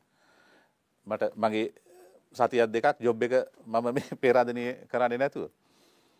අන්තිමට එක දවසක් දරුව බස් එක යද්දි ගෑන් ළමේ කකුල පාගල මෙහෙම කකුලට ගහලා නියපොත්ත කැඩිලා තාමත් ඒ කැරලා තියෙනවා. ඊට පස්සේ මෙයා දිගටම යන්න බෑ කියනවා. එවැනි ආකාරයට මේ නවකවදය ක්‍රියාත්මක කරනවා? ඔව් පැහැදිලිව. එතකොට දැන් මේක එක විශ්වවිද්‍යාලයකනේ මම ඒ කියන්නේ ඇතුලේ බැයි නම් එළිය හරි මේකෙන් පරිගණනය කරනවා. ඒක කරනවා. දැන් අපේ පෙරදින විශ්වවිද්‍යාලයේ තියෙන දැන් හොස්ටල් වල සමහර විට අපි මේ අරසකංශ දැනුවත් කළා නවකවදේ නතර කළාම හොස්ටල් එකෙන් අර බාහිර තැන් මිලදී අරගෙන ඒ තැන්වල තමයි වද දෙන්නේ. එතකොට මේ ඇය මේ උපාධිය අතාරිනවා මේ යන්න බෑ කියනවා ජයවර්ධනපුර විශ්වවිද්‍යාලේ. ඊට පස්සේ මම පෞද්ගලික විශ්වවිද්‍යාලයක් හරහා මේ ඩබ්ලින් විශ්වවිද්‍යාලය අයර්ලන්තයේ ඇය උපාධිය සම්පූර්ණ කරනවා. ජපරාධ මේ අපේ විශ්වවිද්‍යාලයෙන් උපාධිය ගන්න මට ඒකට ඉතින් ලක්ෂ 50ක් විතර වියදම් වුණා. එහෙම පෞද්ගලික අත්දැකීමකුත් තියෙනවා. මම ශිෂ්‍යයෙක් විදිහට මම වින්දිතෙක්. ඒ කියන්නේ නවක වදේ මට අති අමානුෂික විදිහට නවක වදේ දුන්නා මම ශිෂ්‍යා කාලේ. හේතුව මම කැකිරා මධ්‍ය මහාවිද්‍යාලයෙන් ආවේ මම ක්‍රීඩා කරන්න හරි කැමති මම විශ්වවිද්‍යාල ක්‍රිකට් ටීම් එකේ හිටියා මට ආසාවක් තිබුණා ක්‍රිකට් සෙල්ලම් ගන්න රැග් සීසන් එකේම ගිහිල්ලා බලන් ඉන්නවා එතකොට මෙඩිකල් ෆැකල්ටිය ශිෂ්‍යයෙක් තමයි ඒකේ නායකයා හිටියේ. මම කිව්වා ජේෂ්ඨ උත්තමයා මටත් ක්‍රිකට් ගහන්න ඕනේ කියලා. හා වරෙන් මල්ලි කියලා මට එදා ඉඳලා දුන්නා. හැබැයි අපේ ෆැකල්ටිය ආර්ට්ස් ෆැකල්ටිය අය මේකට මාර වෛරෙන් හිටියා.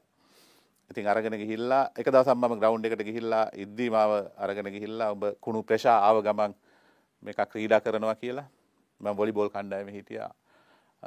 මට තද බල විදිහට මේ වද දුන්නා මේ කැලල් තියෙනවා මේ මට පෙන්න්න පුළුවන් මේ කලිසම මේවා කරලා නවලා.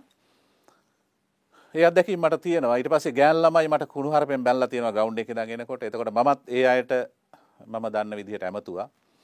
ඒ කියන්නේ මට අහගෙන ඉන්න බෑනේ දැන් මේ ගෑන් ළමයි ඔබ හිතනවාද දැන්? මම කවදාවත් විශ්වාස කරේ නෑ ගෑන් ළමයෙකුට එහෙම කුණුහරුපෙන් බනින්න පුළුවන්ද කියලා. අසභ්‍ය වචන කියලා. මමත් බැන්න ඊට පස්සේ. මමත් දන්නවනේ ඒගොල්ලන්ට වඩා.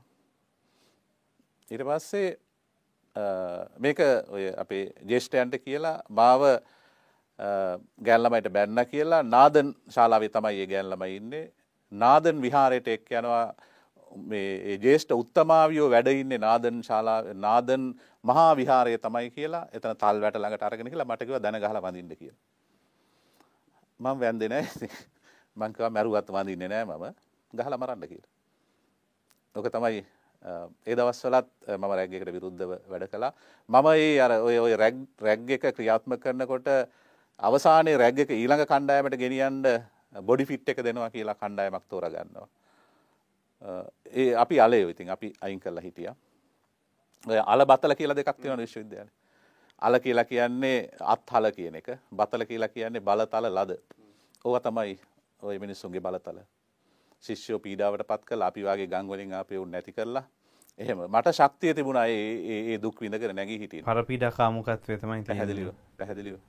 එනිසා මේවා පිටිපස්සේ ඉන්නේ එදා ඉඳලම එදත් හිටිය ශිෂ්‍යංගංගොල අය අදත් ඉන්නේ අය. ඉති ඔය ශිෂ්‍යය ඔක්කොමත් එකම පන්තියන අවසානි බලංගි හම ද ඔබ ගමින් ආව කියලා කියනවා.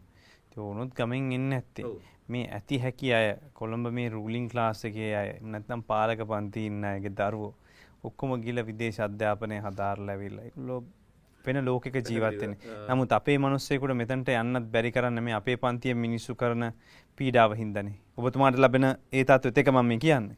මට ගෙදර ප්‍රශ්න තිබුණෑ මගේ දෙමවපියෝ මට අපිට දරුව තුන් දෙනයි මමයි අක්කයි මල්ලි. අපිට ආදරයෙන් සැලකුවා. අධ්‍යාපනයට මේ අපේ අධ්‍යාපනයට වියදන් කළා. අපි කුඹුරට එක්ක ගියන අපි ඔය ආමියකට ඒ දවසල ගංවලා යනවා. එහෙම යව්වේ නෑ. ඒක නරක රැකියාවක් කියනවා නෙවෙයි මම මේ අපි උගන්නන් ඉගෙන ගන්න අපිව පෙළඹෙව්වා.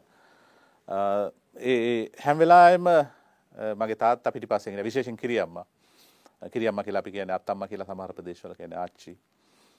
නිතරම ඒ ආభాෂය තමයි මට තිබුණේ. ඉතින් මට ආදරේ හම්බුණා චූටි කාලේ ඉඳලා. ඒ නිසා මට ඇරියස් නෑ ජීවිතේ. ඇරියස් තියෙන අය තමයි ගෙදරින් ආදරේ හම්බෙන්නේ නැති පවුල් සම්බන්ධතා නැති බිඳුණු ඊළඟට දැඩි දිලුඳු පවුල්වල මෙහෙම එන අයට ඇරියස් තියෙනවා දැන් අර hina වෙලා ඉන්නකොට මම ඉස්කෝලේ යනකොට ක්‍රිකට් ගැහුවා ක්‍රීඩා කළා කරන්න පුළුවන් හැම දේවල්ම කරා. ඒ නිසා ඒ ඒ පාසල් ජීවිතේ මම වින්දා. ඒවා මොකක්වත් නැතුව ඒ පොතේම ඇලිලා läගලා අනිත් අයට කුහකකම් කරලා මේ තියෙන අධ්‍යාපන ක්‍රමයෙන් බිහි වෙන ඒ අර අති ආත්මාර්ථකාමීකම එළියට පන්න විශ්වවිද්‍යාලයට ආවා. අරයා හිලා hina වෙලා ඉන්නකොට එයාට තරහයි. අරයා මට වඩා අඳිනවා නම් එයාට තරහයි. මොක ක්‍රීඩා කරනවා නම් තරහයි දැන් ඔය උපසංස්කෘතිය හදන්න කියලා රැග් එක දෙන අය කියන්නේ මේ මේගොල්ලෝ එකතු කරන්න කියලානේ.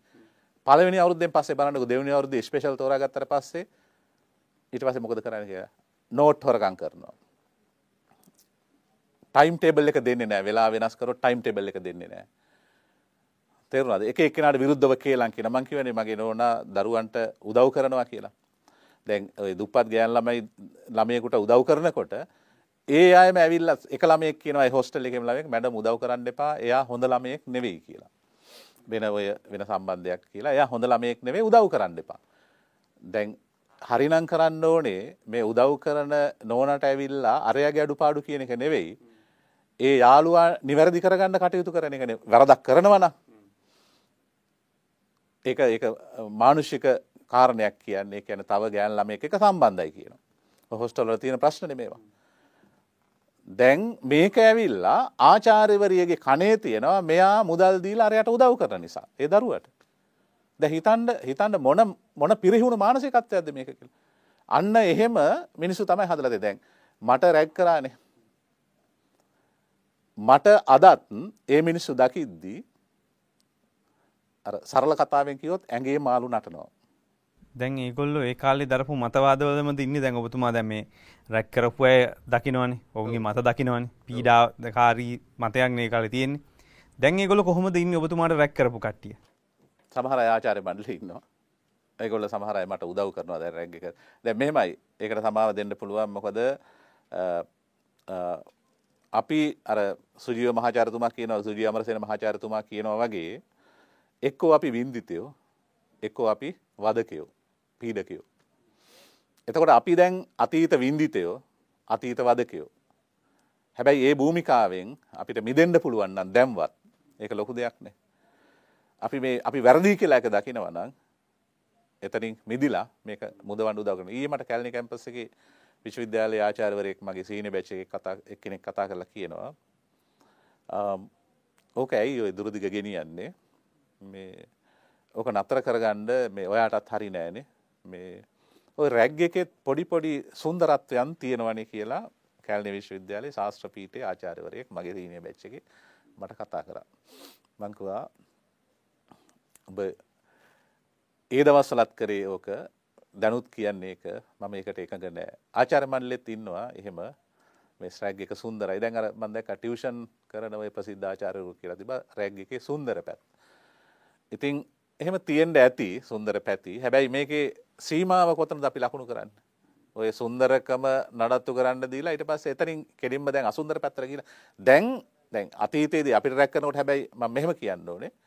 විශේෂ අවස්ථාවල ඔය පහර දීම් වෙලා තියෙනවා. හැබැයි ඔය නියමයක් තිබුණා පළවෙනි වසරේ අයට ඒ කියන්නේ නවකයන්ට අත තියන්නේ නැහැ කියලා. ඒ කියන්නේ ශාරීරිකව පහර දෙන්නේ වචනෙන් තමයි. ඔය තද බල අසභ්‍ය වචන කියලා බණිනවා. ඒවා තිබුණා ඒ දවස්වල. ඒවා ඊටාම් වැරදි, නින්දිතයි. දැන් ඒකේ අලුත්ම ප්‍රවණතාවය තමයි පහර දෙනවා. දැන් ශාස්ත්‍ර පීඨයේම ද්‍රවිඩ මාධ්‍ය ඔය මොකද්ද පහුගිය දවස්වල උත්සවයක් තිබිලා උස් කැන්ටින් එකේ පහර දීලා කන පැල්ලලා තිබුණා. ඒත් මේ තුවාල වෙලා තිබුණා රෝහල් ගත කළ අපේ රාදෙනියේ. ඒත් ශිෂ්‍යෝ හතර දෙනෙක් හෝ පස් දෙනෙකුගේ සති හතරකට විනයපාලකවරයා විශ්වවිද්‍යාලයේ පන්ති තහනම් කළා. ඒකෙත් ඉන්කුවරි එක තියෙනවා දැන්. ඒ විදිහට ඊටාම ප්‍රචණ්ඩ විදිහට ඇවිල්ලා තියෙනවා. ඔබට මම පෙන්වන්නම් මේ දැන් අපේ පීඨයෙන් විවිධ හේතු නිසා ශිෂ්‍යෝ 169ක් 2000 වසරේ ඉඳලා මේ පීඨය අතහැරලා ගිහිල්ලා තියෙනවා. අධ්‍යාපනයේ අතහැරලා ගිහිල්ලා තියෙනවා. මේකෙන් බහුතරයක් රැග් එක නිසා. මේ ශිෂ්‍යෝ කීප දෙනෙක් කියපු ලියුම් මගේ මේ ෆයිල් එකේ තියෙන්නේ. පීඨෙන් මේ මේ තියෙන ඔරිජිනල් ඔබට පුළුවන් නම් සමීප රූපයක්. හොඳයි. සමීප දර්ශනයක් දෙන්න. මොකද්ද තියෙන්නේ ගන්න? නමක් තියෙනවා කමක් නැහැ මේක. පෙන්නමු. දැන් මේකේ තියෙන කාරණේ මම කියවන්නම්. සමීප දසුණක් ගත්තද? මේකේ නම තියෙනවා මේ ශිෂ්‍යාවගේ ඉහත නම සඳහන් මා පුස්සැල්ලාවේ පදිංචි අයකි. මගේ නිවසේ සිට පේරාදනීය විශ්වවිද්‍යාලයට යාමට එක්ස් බස් රථයකින් පැයකින් පමණ යා හැක. නමුත් විශ්වවිද්‍යාලයේ සිටි නවක වදය දෙන පිරිස මාහට අනිවාර්යයෙන් නේවාසිකාගාරයේ රැඳෙන ලෙස බලපෑම් කරන ලදී. තවද නිවසින් රැගෙන යන බත්මුල පවා කන්නට නොදී මුළු දවසම निराහාරව සිටීමට පවා සිදුවිය. ඊතා දිලිඳු පවුලක අයෙක් වූ මා මා සතු ඇඳුම් පැළඳුම් ඇඳ පැළඳ එන විට නවකවදය දෙන්නන්ගේ කැමැත්ත පරිදි ඇඳුම් ඇදීමට මා එකඟ නොවුවෙමි. විශ්වවිද්‍යාල භූමියට ඇතුළු තැන සිට පිටවනතුරු සිදු වූ මානසික හා කායික හිංසාව තව දුරටත් දරාගත නොහැකිව මේ මාගේ මේ වගේ සතුන්සේ හැසිරෙන වනචාරී පිරිසක් සමග ඉඳ ලබන උපාදියට වඩා වසර දහතුනක් වෙහෙස වූ උපාදි සිහිනය එහිම තබා පේරාදෙනිය විශ්වවිද්‍යාලයට සමුදී නිවසට පැමිණිමා අදටත් එදාගත් තීරණය පිළිබඳ සිය දහස් වරක් සිතට එකඟව සතුටු වෙමි. මින් මත්තට එන දරුවන්ට හෝ නිදහසේ අධ්‍යාපනය ලැබීමට හැකිවන පරිදි මෙම නවකවදය විශ්වවිද්‍යාලය තුළින් තුරන් වේවා. දැම් මේ ජීවිතෙරව කියන්නේ කවුද. ගැන් දක්ෂකම් ලබලා විභාග හොඳට ලියලා දිරිදුකමත් එක්ක විභාගේ පාස් වෙලානේ ඒලෙවල් පාස් වෙලා නොමිලිය දෙන විශ්වවිද්‍යාල අධ්‍යාපනය ලබන්න බැරි කරන්න මේ නවකවද කාරයෝ ටිකන පැහැදිලිව එහෙනම් මේක මුදාගන්න ඕන ඔබතුමාලම තමයි අනිවාර්යෙන් ඒක මම කරනවා. ඒකට තමයි මම මේ මුල පුරලා තින්නේ. හැබැයි ඔබට එකක් කියන්න ඕනේ. දැන් මේ මේ ලිපි ගොන්නක් තියෙනවා මේ මම පීටෙන් මේව අරගෙන ආවේ. මෙතන තියෙනවා නවක වදේ දෙන භික්ෂූන් වහන්සේලාට භික්ෂුන් වහන්සේලා 15 විතර නම් තියෙනවා. මේ යට දඬුවම් දීලා නැහැ. ඒ කියන්නේ භික්ෂූ නේවාසිකාගාරයේ සංඝාරාමේ දසවද දෙනකොට නිර්වතින් සිවුරු ගලවලා අල්ලගත්තාම ඒ අයට පැරණි පරිපාලනය අද නෙවෙයි පැරණි පරිපාලනය දඩුවන් දීලා තියෙන්නේ තරයේ අවවාද කරමි. වැඩ නෑනති එතනින් හට මේ මිනිස්සු එහෙම නලවල හදන්න පුළුවන් ජාතියක් නෙවෙයි සිවරදාගෙන හිටියට මේ දැන් මේ කුණු තමයි මට අදින්න වෙලා තියෙන. දැන් මේ තරේ ආවාද කරන්නේ අවුරුදු දෙකට ඉස්සෙල්ලා. දැන් මේ අය තමයි ෆයිනල් ඉන්නේ. දැන් මේ අයට හරි හමම් විදිහට ක්‍රියා කරලා තිබුණා නම් අද එහෙනම් මේ ප්‍රශ්නේ ඔබතුමාලා මුණ දෙන්න මුණ දෙන්න මට මරණීය තර්ජනය එල්ල වෙන්නේ නැහැ නේ එහෙනම්. go home ඩීන් කියන්නේ නැහැ නේ. ඒ පිරිසුදුයි පීටේ. බල්ලොත් එක බත් කන්නේ නැහැ නේ දරුවෝ. මේ කුණු තමයි මං අදින්නේ මම කුණු ගොඩේ ඉන්නේ සුද්ධ කරනවා මං අනිවාර්යයෙන් මොකද මට ඊළඟ ඊළඟ ඩීන්ට ප්‍රශ්නයක් වෙනකන්න අඩු ගාන මං හිතනවා එහෙම මට කරන්න පුළුවන් වෙයි කියලා ඒක ඉතින් පෞරුෂය අර මහාචාර්ය ගාමිණි සමරනායක මැතිතුමා හිටපු UGC චාමන් මගේ ගුරුතුමා සඳහන් කළා මට මේ එතුමා එක රැස්වීමක කිව්වලු ඔය ආචාරුණු සම්බන්ධයෙන් ඔයගොල්ලෝ එනකොට හෙට ඊළඟ සති එනකොට මේ වෙන මොනවා රිපෝට් ගේන්න එපා වෛද්‍ය වාර්තාවක් අරගෙන එන්න කෂේරුකාවේ කියලා. එසා තීන්දුව තීරණ ගන්නකොට මේ කෂේරුකාව අවශ්‍යයි. ඔයත් හොඳයි මාත් හොඳයි ඔයගොල්ලෝ රැක් කරගෙන යන්න මේ මට කරදර කරන්න එපා. දැහෙම ඩීල් දාගන්නවනේ විශ්වවිද්‍යාල ශිෂ්‍ය සංගම් සහ විශ්වවිද්‍යාල පරිපාලනාධිකාරිය ඩීල් දාගන්නවා. එතකොට ප්‍රොකියුමන්ට් වල ඉඳලා ඔක්කොටම කිසි ප්‍රශ්නයක් නැහැ කිසි නිදහසේ ඉන්න පුළුවන් ඩීන්ලටත් ඉන්න පුළුවන්. එතනින් යම් කුලපතිට ප්‍රශ්නයක් නැහැ. ඔක්කොටම ඉන්න පුළුවන්. දැන් මේ ඩීල් එක අවුලක් කියලා තේරුනේ මේ පාරද? එහෙම නැත්නම් ඔය ඉතිස්සලා වගේ මේ පාර ඩීල් දාන්නේ ඉන්නේ නැද්ද? ආවා. මං අහුනේ නෑ. මොකක්ද ආපු ඩීල් එක? මොකද විදිහ ඩීල් එක එන විදිහ? දැන් ඩීල් එන්නේ විවිධ විදිහට දැන් මුලින්ම එනවා දැන් සුහද මට්ටමින් කතා කරන්න එනවා. ඊට පස්සේ දැන් ශිෂ්‍යයන්ගේ තොරතුරු ඉල්ලලා එනවා. ඊට පස්සේ විවිධ වැඩසටහන් වලට ආරාධනා කරනවා. ආරාධනා කරලා මේගොල්ල ඔය නාට්‍ය උලෙලවල් මේවා තියලා ශිෂ්‍යෝ එළියට ගන්න බලනවා. ඉතින් මේ වගේ එනවා. ඊට පස්සේ මේ ශිෂ්‍යෝ හරිම සට කපටි. එහෙම අර යාප්පුුවෙන් ඇවිලද මටත් මචන් ලෙවල් එකෙන් හිටියන සරල භාෂාවෙන් කියනවනම් මම තමයි ඔය පෙරාදෙන විශ්වවිද්‍යාලයේ හොඳම ඩීන්. ලංකාවේ හොඳම ඩීන් වෙන්නත් පුළුවන් මට. ඒ කියන්නේ විශ්වවිද්‍යාල පද්ධතියේ කරටත් දාගෙන බෝතලේ ගහලා හරි ඔයාලා රැක් කරන්න මේ මං එනකොට මේ කියන්නම් මේ දඬුවම් කරන්නේ ඔය එක පැත්තක්. එහෙම ඩීල් එකක් දාගන්න පුළුවන් මට. පහසුවෙන්ම තිබුණා මට. ඒ කියන්නේ මම ජනප්‍රිය වෙන්න ඕන නම් අති සරල විදිහට පුළුවන් ඒක කරන්න මට. මම ඒක කරේ නෑ. ඊට පස්සේ තර්ජනය පටන් ගන්නවා. ඉස්සල්ලාම මට තර්ජනය කළේ මම පීටේට පත් වුණාට පස්සේ CCTV කැමරා හයි කරලා තිබුණා. ඒකට පොල්ලකින් පහර දීලා. එතන තමයි මගේ වැඩ බාර අරගෙන දෙවෙනි දවසේ ගැහුවා පොල්ලකින්. ඒකේ පරේක්ෂණයට උන දෙයක් අද වෙනකම් මම දන්නේ නැහැ. CCTV එකේ තියෙනවා ගහන මිනිහක් ඉන්නවා. එතකොට මංහන්නේ දැයි විශ්වවිද්‍යාලය පරි දැන්චය CCTV කැමර ක්‍රියාත්මකද? ඕ ක්‍රියාත්මකයි. දැඟට පස මඟ සකස් කලා තවමත් සකස් කරන්න ඕන ස්ථාන තියෙනවා. පීටේ සමහර තැන්වල තියෙනවා. හැබැයි ම දැන් අවුද්දත් තිසේ මහන්සි වෙනවා මේ සමහර ස්ථානවලට පත්තුනට පසේ මං ඊට පස්සේ අර අවශ්‍ය තැන් කීපයක් අඳුනගෙන උත්සාහ කලා අවුරුද්දත් තිස්සේ මේ ආර්ථිකරබු දෙනිසා වෙන්න ඇති කල් ඇද ඇද යනවා ප්‍රොකමෙන්ට් ප්‍රසෙස් එක නිසා. හැබැයි මම මේ සිද්ධියෙන් පස්සේ වෛශ්ාන්සලට අපේ උපකලපෙත්තුමාට කිව්වට පස්සේ ඉක්මට මට එවන්න මම මගේ බලතල අනුව මේ මට තියෙන ඒ ප්‍රතිපාදන අනුව මම සකස් කළ දෙන්නම් කියලා කිව්වා. ඕක තමයි තත් ඉතින් අර දැ මේ ශිෂ්‍ය ඇවිල්ලා තර්ජනය කරන ඊට පස්සේ සිසිටුවේ කැඩුවා ඊට පස්සේ මේගොල්ල උද්ඝෝෂණයක් කළ පෙළපාලියකින් ආවා ෆිසිකල් එක්ෂමිනේෂන් ඒ කියන්නේ විභාග ඔන්ලයින් තියන්න. ඒ කියන්නේ විශ්වවිද්‍යාලයට ගෙන්නලා විභාග තියන්න එපා කියලා. කොපි කරන්න. ඒකට මට විරුද්ධව පෙළපාලියක් ආවනේ. ඉතින් ආචාර්ය මණ්ඩලය මට සහාය දුන්නා. මේක ඊටාම හාස්‍යයට ලක්වන කාරණයක්නේ දැන්. ශිෂ්‍යෝ දෙන්නෙක් කීප දෙනෙක් අහුවෙලා ඉන්නවා එකම පිළිතුරු පත්‍රය සබ්මිට් කළා online examination. open book take home examination කියලා දෙන්න. ඉතින් සමහර අය පොත් පිටින් කොපි කරලා එවනවා. හරි ලේසිනේ ගෙදර ඉඳලා කවුරු ලිව්වත් දන්නේ නැහැ. කොච්චර රෙගුලේෂන් කරන්න මේ අපි ඒවා මේ මොනිට කරන්න හැදුවත් ඒව කරන්න අමාරු ඔන්ලයින් තිබුණු තත්ත්වයේ වාස්තවික තත්ත්වය අනුව අපිට එහෙම තීන්දුව ගන්න සිද්ධ වුණා. හැබැයි කොවිඩ් ඉවර වෙලත් මේගොල්ලෝ කියන ඔන්ලයින් දෙන්න කියලා. ඉතින් පෙළපාලියක් ආවා. ඒකට මම සැලුන්නේ ඊට පස්සේ වයිස් චාන්සලර් ඔෆිස් එකට ගිහිල්ලා විවිධ කේලම් කියලා තිබුණා. මට ඒ කියන්නේ පැමිණිලි කරලා තිබුණා. ඒ විදිහේ මට තර්ජනය කරලා බැලුවා.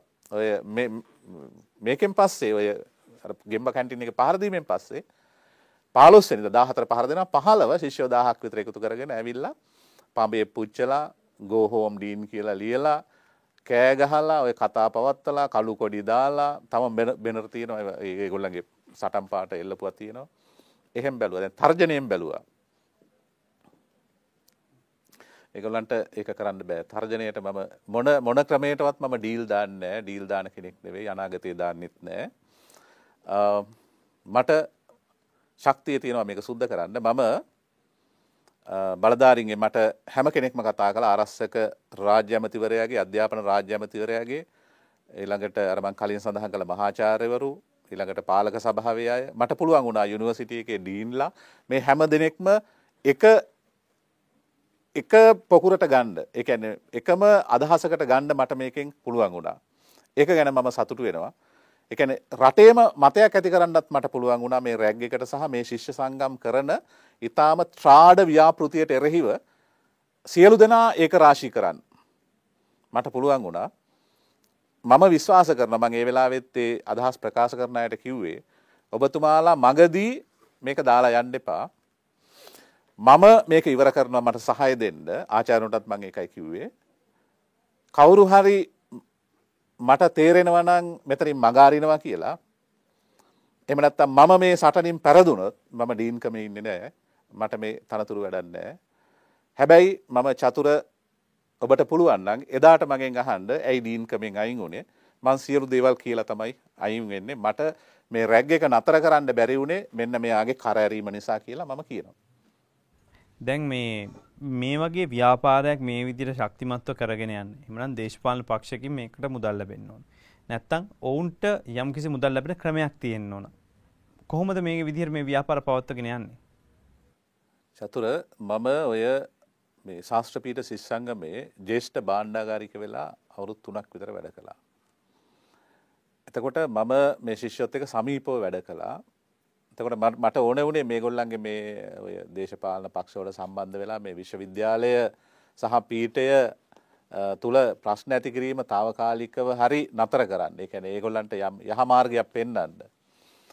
එතනදී මම තේරුම් ගත්ත දෙයක් තමයි මොන ක්‍රමයකටවත් මේ ශිෂ්‍යෝ දැන් මේ ආචාර්යවරයා එතෙන්ට යොදාගන්නේ අර මුද්‍රාවක් විදිහට විතරයි අසන ගන්න විතරයි කිසිම ඩොකියුමන්ට් එකක් කිසිම ඒ මූල්‍ය ගනුදෙනුවක විනිවිදභාවයකින් යුක්තව වාර්තා ඉදිරිපත් කරන්නේ නැහැ.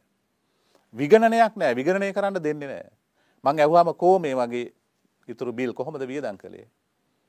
මොනවත් නැහැ. ඉන්කම් එක පෙන්වන්නේ නැහැ. දැන් ඔබ ඔබ ඔබ ඇහුව ප්‍රශ්නේ ඔය ප්‍රත්‍යන්ත ප්‍රදේශවල නගරවලට ගිහිල්ලා. මහනුවර මහනුවර නගරයෙන් ඔය කුණ්ඩසාලේ දිගන මැණික්කින්න ඔය වගේ ප්‍රදේශවල. ඒ පෙරදනී ගත්තොත් දැන් කොළඹ ගත්තොත් ප්‍රත්‍යන්ත ප්‍රදේශවල නගරවලට මේ මාසයකට දවස් කීපයක් මේ ශිෂ්‍යයන අධ්‍යාපනය කඩාකප්පල් කරගෙන කැටහොල්ලන්න යන කැට හොල්ලන්ඩ යනවා. එතකොට ඒ නගර වැසියෝ ඒ පුරවැසියෝ ඒ කැටේට සල්ලිදානවා. එතකොට මේ වගේ ඉන්කම් එක කොහෙවත් ලියවෙන්න. ඒකන ඒක එන්න සම්පූර්ණම එක්කො දේශපාලන පක්ෂකට ඒ කණ්ඩායමට ශිෂ්‍ය සංගමයට එහෙම. අනිවාරෙන් දැන් ඔය පීට ශිෂ්‍යංගමය මහා පීට ශිෂ්‍යංගමය තමයි මහා සංගමයට පත්වෙන්. ඒ අය තමයි අන්තර් විශ්වවිද්‍යාල ශිෂ්‍ය බල මණ්ඩලයට සම්බන්ධයෙන්. ඒ අය තමයි අහවල් දේශපාලන පක්ෂය නියෝජනය කරන්නේ. ඒ ඒ අනුව. කියන්නේ කැටවලට සල්ලි දුන්නේ නැත්නම් ජනතාව ඔක්කොම ඉවරයි. පැහැදිලිව මම ඒ කැටවලට සල්ලි දෙන අයගෙන් ඉල්ලනවා මීට පස්සේ ඔබ මේ කැටවලට සල්ලි දෙන්න එපා. මේවා යොදවන්නේ ඔබේ දරුවාට පහර දෙන්න අවභාවිත කරන්න ඒ වගේම මේ අය මම ඔය ශිෂ්‍යන්ගේ සමහර වැඩසටහන් වලට ගිහිල්ලා තියෙනවා. අර මල් වෙඩි ගහන්නම රුපියල් 25000ක් 30000ක් වියදම් කරන මල් වෙඩි ගහන්න විතර. මේ දැන් රටේ මිනිස්සුන්ට කියනවානේ සල්ලි විනාශ කරන්න එපා මෙහෙමයි දේශපාලක විනාශ සම්දර්ශන පවත්වන්න මල් වැඩිල්ලක මල් වැඩිවලට රුපියල් 25000ක් වියදම් කරනවා. විතර වියදම් කරනවා. ඊට වැඩියෙන්. ඊට අඩු වෙන්නේ මට පුදුම හිතුණා. මම ওই දැක්කමයි දැන් එහෙම එහෙම එහෙම ශිෂ්‍යෝ දැන් ගිහිල්ලා පුස්තකාලයක් ඉස්කෝලේ එක හදනවා වෙන්න පුළුවන් සමහරලාට හුණු ටිකක් ගාලා එක් කරනවා. හැබැයි ඊට වඩා මේගොල්ලන්ගේ පවුල් නඩත්තු වෙන්නේ කන්නේ බොන්නේ ඔය උද්ඝෝෂණ වලට බස් වලට වියදම් කරන්නේ මත්පැන් අරගෙන දෙන්නේ යනකොට හෝ එනකොට මේගොල්ලෝ මත්පැන් පානය කරලා ඉන්නේ. එතකොට ඒවට වියදම් කරන්නේ ඔබ කැටේට දාන සල්ලි. ඔබේ මේ අය තමයි ඔබේ දරුවාට දසවද දෙන්නේ නවක වදේ මුවාවෙන්. එතකොට ඔබ මේ අයගේ කැටවලට මුදල් දානවා නම් ඒ කරන්නේ මේ නවක වදේ එහෙම නැත්නම් මේ අනීතික ක්‍රියාවට සහාය දැක්වීමක්. ඒ නිසා මම කරුණා කර කරුණා කරලා මේ ජනතාවගෙන් ඉල්ලනවා කරුණා කරලා ඒ වගේ ක්‍රියාවන් වලට අනුබල දෙන්න එපා. ඔබ මේ පවේ කොටස්කාරයෙක් වෙන්න එපා. එහෙම කැටහොල්ලන කෙනෙක් දැක්කොත් අහන්ඩ තමුසට විලිලැජ්ජ නැද්ද මේ විදිහේ දේවල් කරලා අරගෙන ගිහිල්ලා මේ ජනතාවගේ සල්ලි මේ අර අවභාවිතයන්ට යොදවන් හොරකං කරන්න. ඊට හොඳයි මම ඔය ශිෂ්‍ය සංගං වලට කියනවා අර පන්සලක දොරකඩ ළඟ ඉඳගෙන හිඟා කන යාචකයෝ ඊට වඩා නම්බුයි.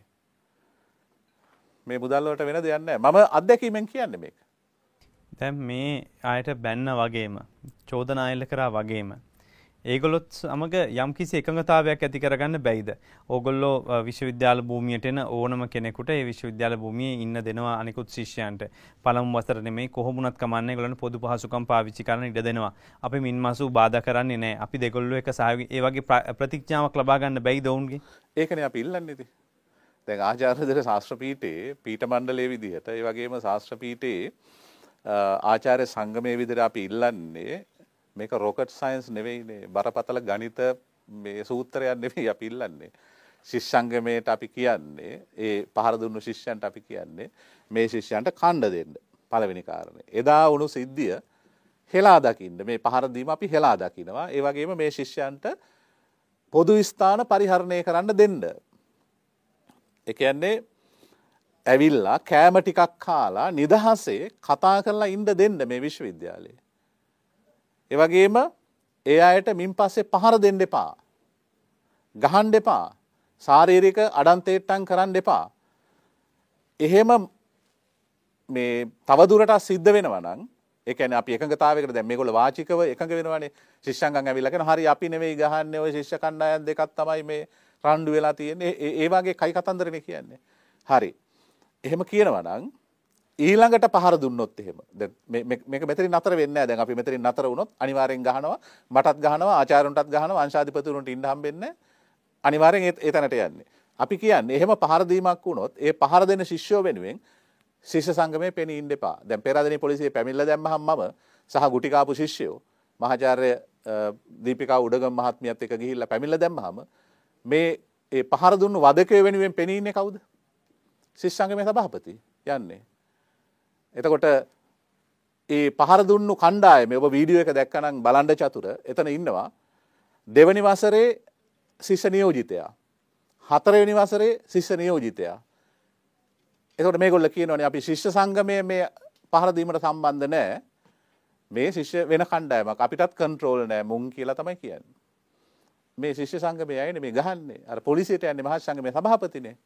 එතකොට මේ අය තමයි රෙදි නැතුව මේක වෙනුවෙන් කඩේ යන්නේ. ඒ නිසා අපි කියන්නේ නැවත පහරදීමක් වෙනවනං උනොත් මේක වෙනුවෙන් ශිෂ්සංගමය පෙනී ඉන්න එපා. එහෙම අපි කියන්නේ. එතකොට අපිට බොහොම ලේසියිනේ මේ වදකයෝ මේ අයිසොලේට් කරන්න අඳුනගන්න. ඒක කරන්න නැතුව උද්දච්ච විදිහට තැන් තැන්වල වහසි බස් දොඩමින් ගමන් කරන්නේ ඇයි මේ ආචාර්යවරු මේ අපේ පීටේ තමයි ලංකාවේ පීටවලින් වැඩිම මහාචාරවරු සංඛ්‍යාවක් ඉන්නේ. රිසෝස් ෆුල් ෆූල් එකක් ඉන්නවා අපේ. එකන්නේ විවිධ හැකියාවන්ගෙන් පිරිපුන් පිරිසක්. ඔබ හිතනවද මේ මහාචාර්යවරු මේ ආචාර්යවරු දෙසිය ගානක් මේ අත්තනෝමතික විදිර තීරණයක් ගන්නවා කියලා. මේ අය කියන්නේ ඔන්න ඔය මූලික කරුණු හතර. හෙලා දකිින් එදා වුණු සිද්ධිය කණ්ඩ දෙන්න පොදු ස්ථාන පරිහරණය කරන්න දෙන්න තමන් කැමති විදිහට ඉගෙන ගණ්ඩ දෙන්න ඉංග්‍රීසි මාධ්‍යන්ද සිංහල මාධ්‍යන්ද දෙමළ මාධ්‍යන්ද ආපහු පහර දෙන්න එපා පහරදීමක් වුණොත් ශිෂ්‍ය සංගමය පෙනී ඉන්න එපා. බොහොම පැහැදිලිනේ ක්ලියර් කට්. එතකොට මේකට එකඟ වෙන්නේ නැතුව මේ මහා සංගමේ සභාපති ඇතුළු ඔය වදකයෝ තැන් තැන්වල වහසි බස් දොඩමින් ගමන් කරනවා. එතකොට දැන් පොලිසියට ගියන් පස්සේ එතකොට පොලිසියෙන් යම් කිසි සහනයක් ලැබෙන්නේ නැද්ද? දැන් ඔබතුමාලා කෙලින්ම කියනවා. නමකවද පනත තියෙනවා. ඒ වගේම තවමත් රටේ ජනතාවගේ මූලික අයිතිවාසිකම් සම්බන්ධව ව්‍යවස්ථාවෙන්ම ඉඩකඩ වෙන් කළ තිබෙනවා. ඉතින් එහෙමත් පොලිසිට පැමිල්ලි කරහම දැන් මට තියෙන්නේ දැන් පොලිසි සම්බන්ධයෙන් මම ඒ නිලධාරි මහත්තුරුන්ගේ සේවය මම අගේ කරනවා. අපි මේ රටේ ආරක්ෂිතව ජීවත් වෙන්නේ ඔය පොලිසිය ආමේකයාගේ ඒ සක්‍රිය මැදිහත්වීම නිසා. හැබැයි මේ නවක වදය සම්බන්ධයෙන් ක්‍රියාත්මක වීමේදී අතීතෙන්දලා ඔය සිද්ධිය දක්වාම මට තියෙන්නේ නම් අප්‍රසන්න අත්දැකීම. පොලිසිය ගැන. පැහැදිලිවම. පොලිසි පාර කොහොමද පොලිසිය හැසිරුණේ? මම පේරාදනී පොලිසිට ගියා ඔය සිද්ධිය ඇතුණු දාහතර වෙනිදා හවස මේ ළමයි ගුටි කාලා දැන් තුවාල වෙලා ස්ථානාධිපතිතුමා හිටියේ නෑ එතකොට තවත් ස්ථානාධිපතිවරයෙකුට යොමු කළා. අපි පැයක් විතර හිටගෙන හිටියා. කිසි කෙනෙක් අපෙන් කට උත්තර ගත්තේ නැහැ. කවුද අපි? මමත් මහාචාර්ය දීපිකා උඩගම. ඒ කියන්නේ මේ මානව හිමිකම් කොමිසමේට. සභාපතිනිය. දැන් ඒගොල්ලෝ ඉතින් වෙන වෙන රාජකාරි තියෙනවා. ඒගොල්ලන්ට අපිට පේනවා. ඉතින් එහෙම යනවා. අපි ඉතින් ඉඳගෙන හිටියා. ඉතින් අපි කිව්වා කවුද කියලා. ඊට පස්සේ ඔන්න පැයකට විතර පස්සේ පැමිණ ලියා ගන්න දැන් දුන්නා. ඊට පස්සේ අපි මම පැමිණිල්ල පෞද්ගලිකවම කළා. එතකොට හුඟක් වෙලාවට දැන් මම මෝඩයෙක් නෙවෙයිනේ. මම පීඨාධිපතිවරයෙක්. ඉගෙන ගත්ත මිනිස්සෙක්නේ. මට තේරෙනවා දැන් මේක ලියනකොට ඒ ලියන මහත්තයා ලියන්නෙම ශිෂ්‍ය කණ්ඩායමක් අතර ඇති වුණායයි කියන ගැටුමක් සම්බන්ධයෙන්. දැන් මම කියනවා ගහන ගැහුවා මේ කෑම කන අයට ගහනවා. අරයා පොතේ ලියනවා එහෙම. දැන් මට තේරෙනවා මේ උත්සාහයක් ගනිමින් සිටින්නේ නවක වද පනතට මේක බැර නොකර සමත මණ්ඩලයකට දාලා සමත් සමත ගන්න. දැන් ඊට පස්සේ ආව ඔය පොලිසිය හෙළඳාරින් කීප දෙනෙක්. ඇවිල්ලා කියන්නේම මේකේ සාක්ෂි ප්‍රබල මදි මේ ඔය වගේ ප්‍රකාශ කීපයක් කළා. කළා මේක මේ සමත මණ්ඩලයකට දාමු කියලා. මන් දන්නේ නැහැ නීතිය අනුව එහෙමද කියලා. මට තේරෙන නීතියට අනුව නම් මේ මේක බරපතල පහර දීමක්, හිංසනයක්, ආහාර ගැනීමේ අයිතිය පවා උල්ලංඝනය කිරීමක්, රැගින් ඇන්ටි රැගින් අතර කණ්ඩායම් අතර ගැටු මේ ඇන්ටි රැගින් කණ්ඩායමට පහර දීමක් ඕක තමයි මට කියන්න දෙන්නේ. මට තියෙන අමිහිරි අතීතයේ ඉඳලා විශ්වවිද්‍යාල පරිපාලනයේ සිට වර්තමානයේ දක්වාම මට තියෙන්නේ මේ නීතිය ක්‍රියාත්මක නොවන්නේ ඇයි කියන එක පිළිබඳ උබතෝකෝටික ප්‍රශ්නයක් තියෙනවා. මේක මනෝභාවයක් වෙන්නේ සමාජයේ. අර වින්දිතයා පීඩකයාට අනුකම්පා කරන මානසිකත්වයක් අපේ වර්ධනය වෙනවා. ඒක තමයි අවුල. අවසාන වශයෙන් ඔබතුමා ඒක තමයි කියන්නේ. ඔව්.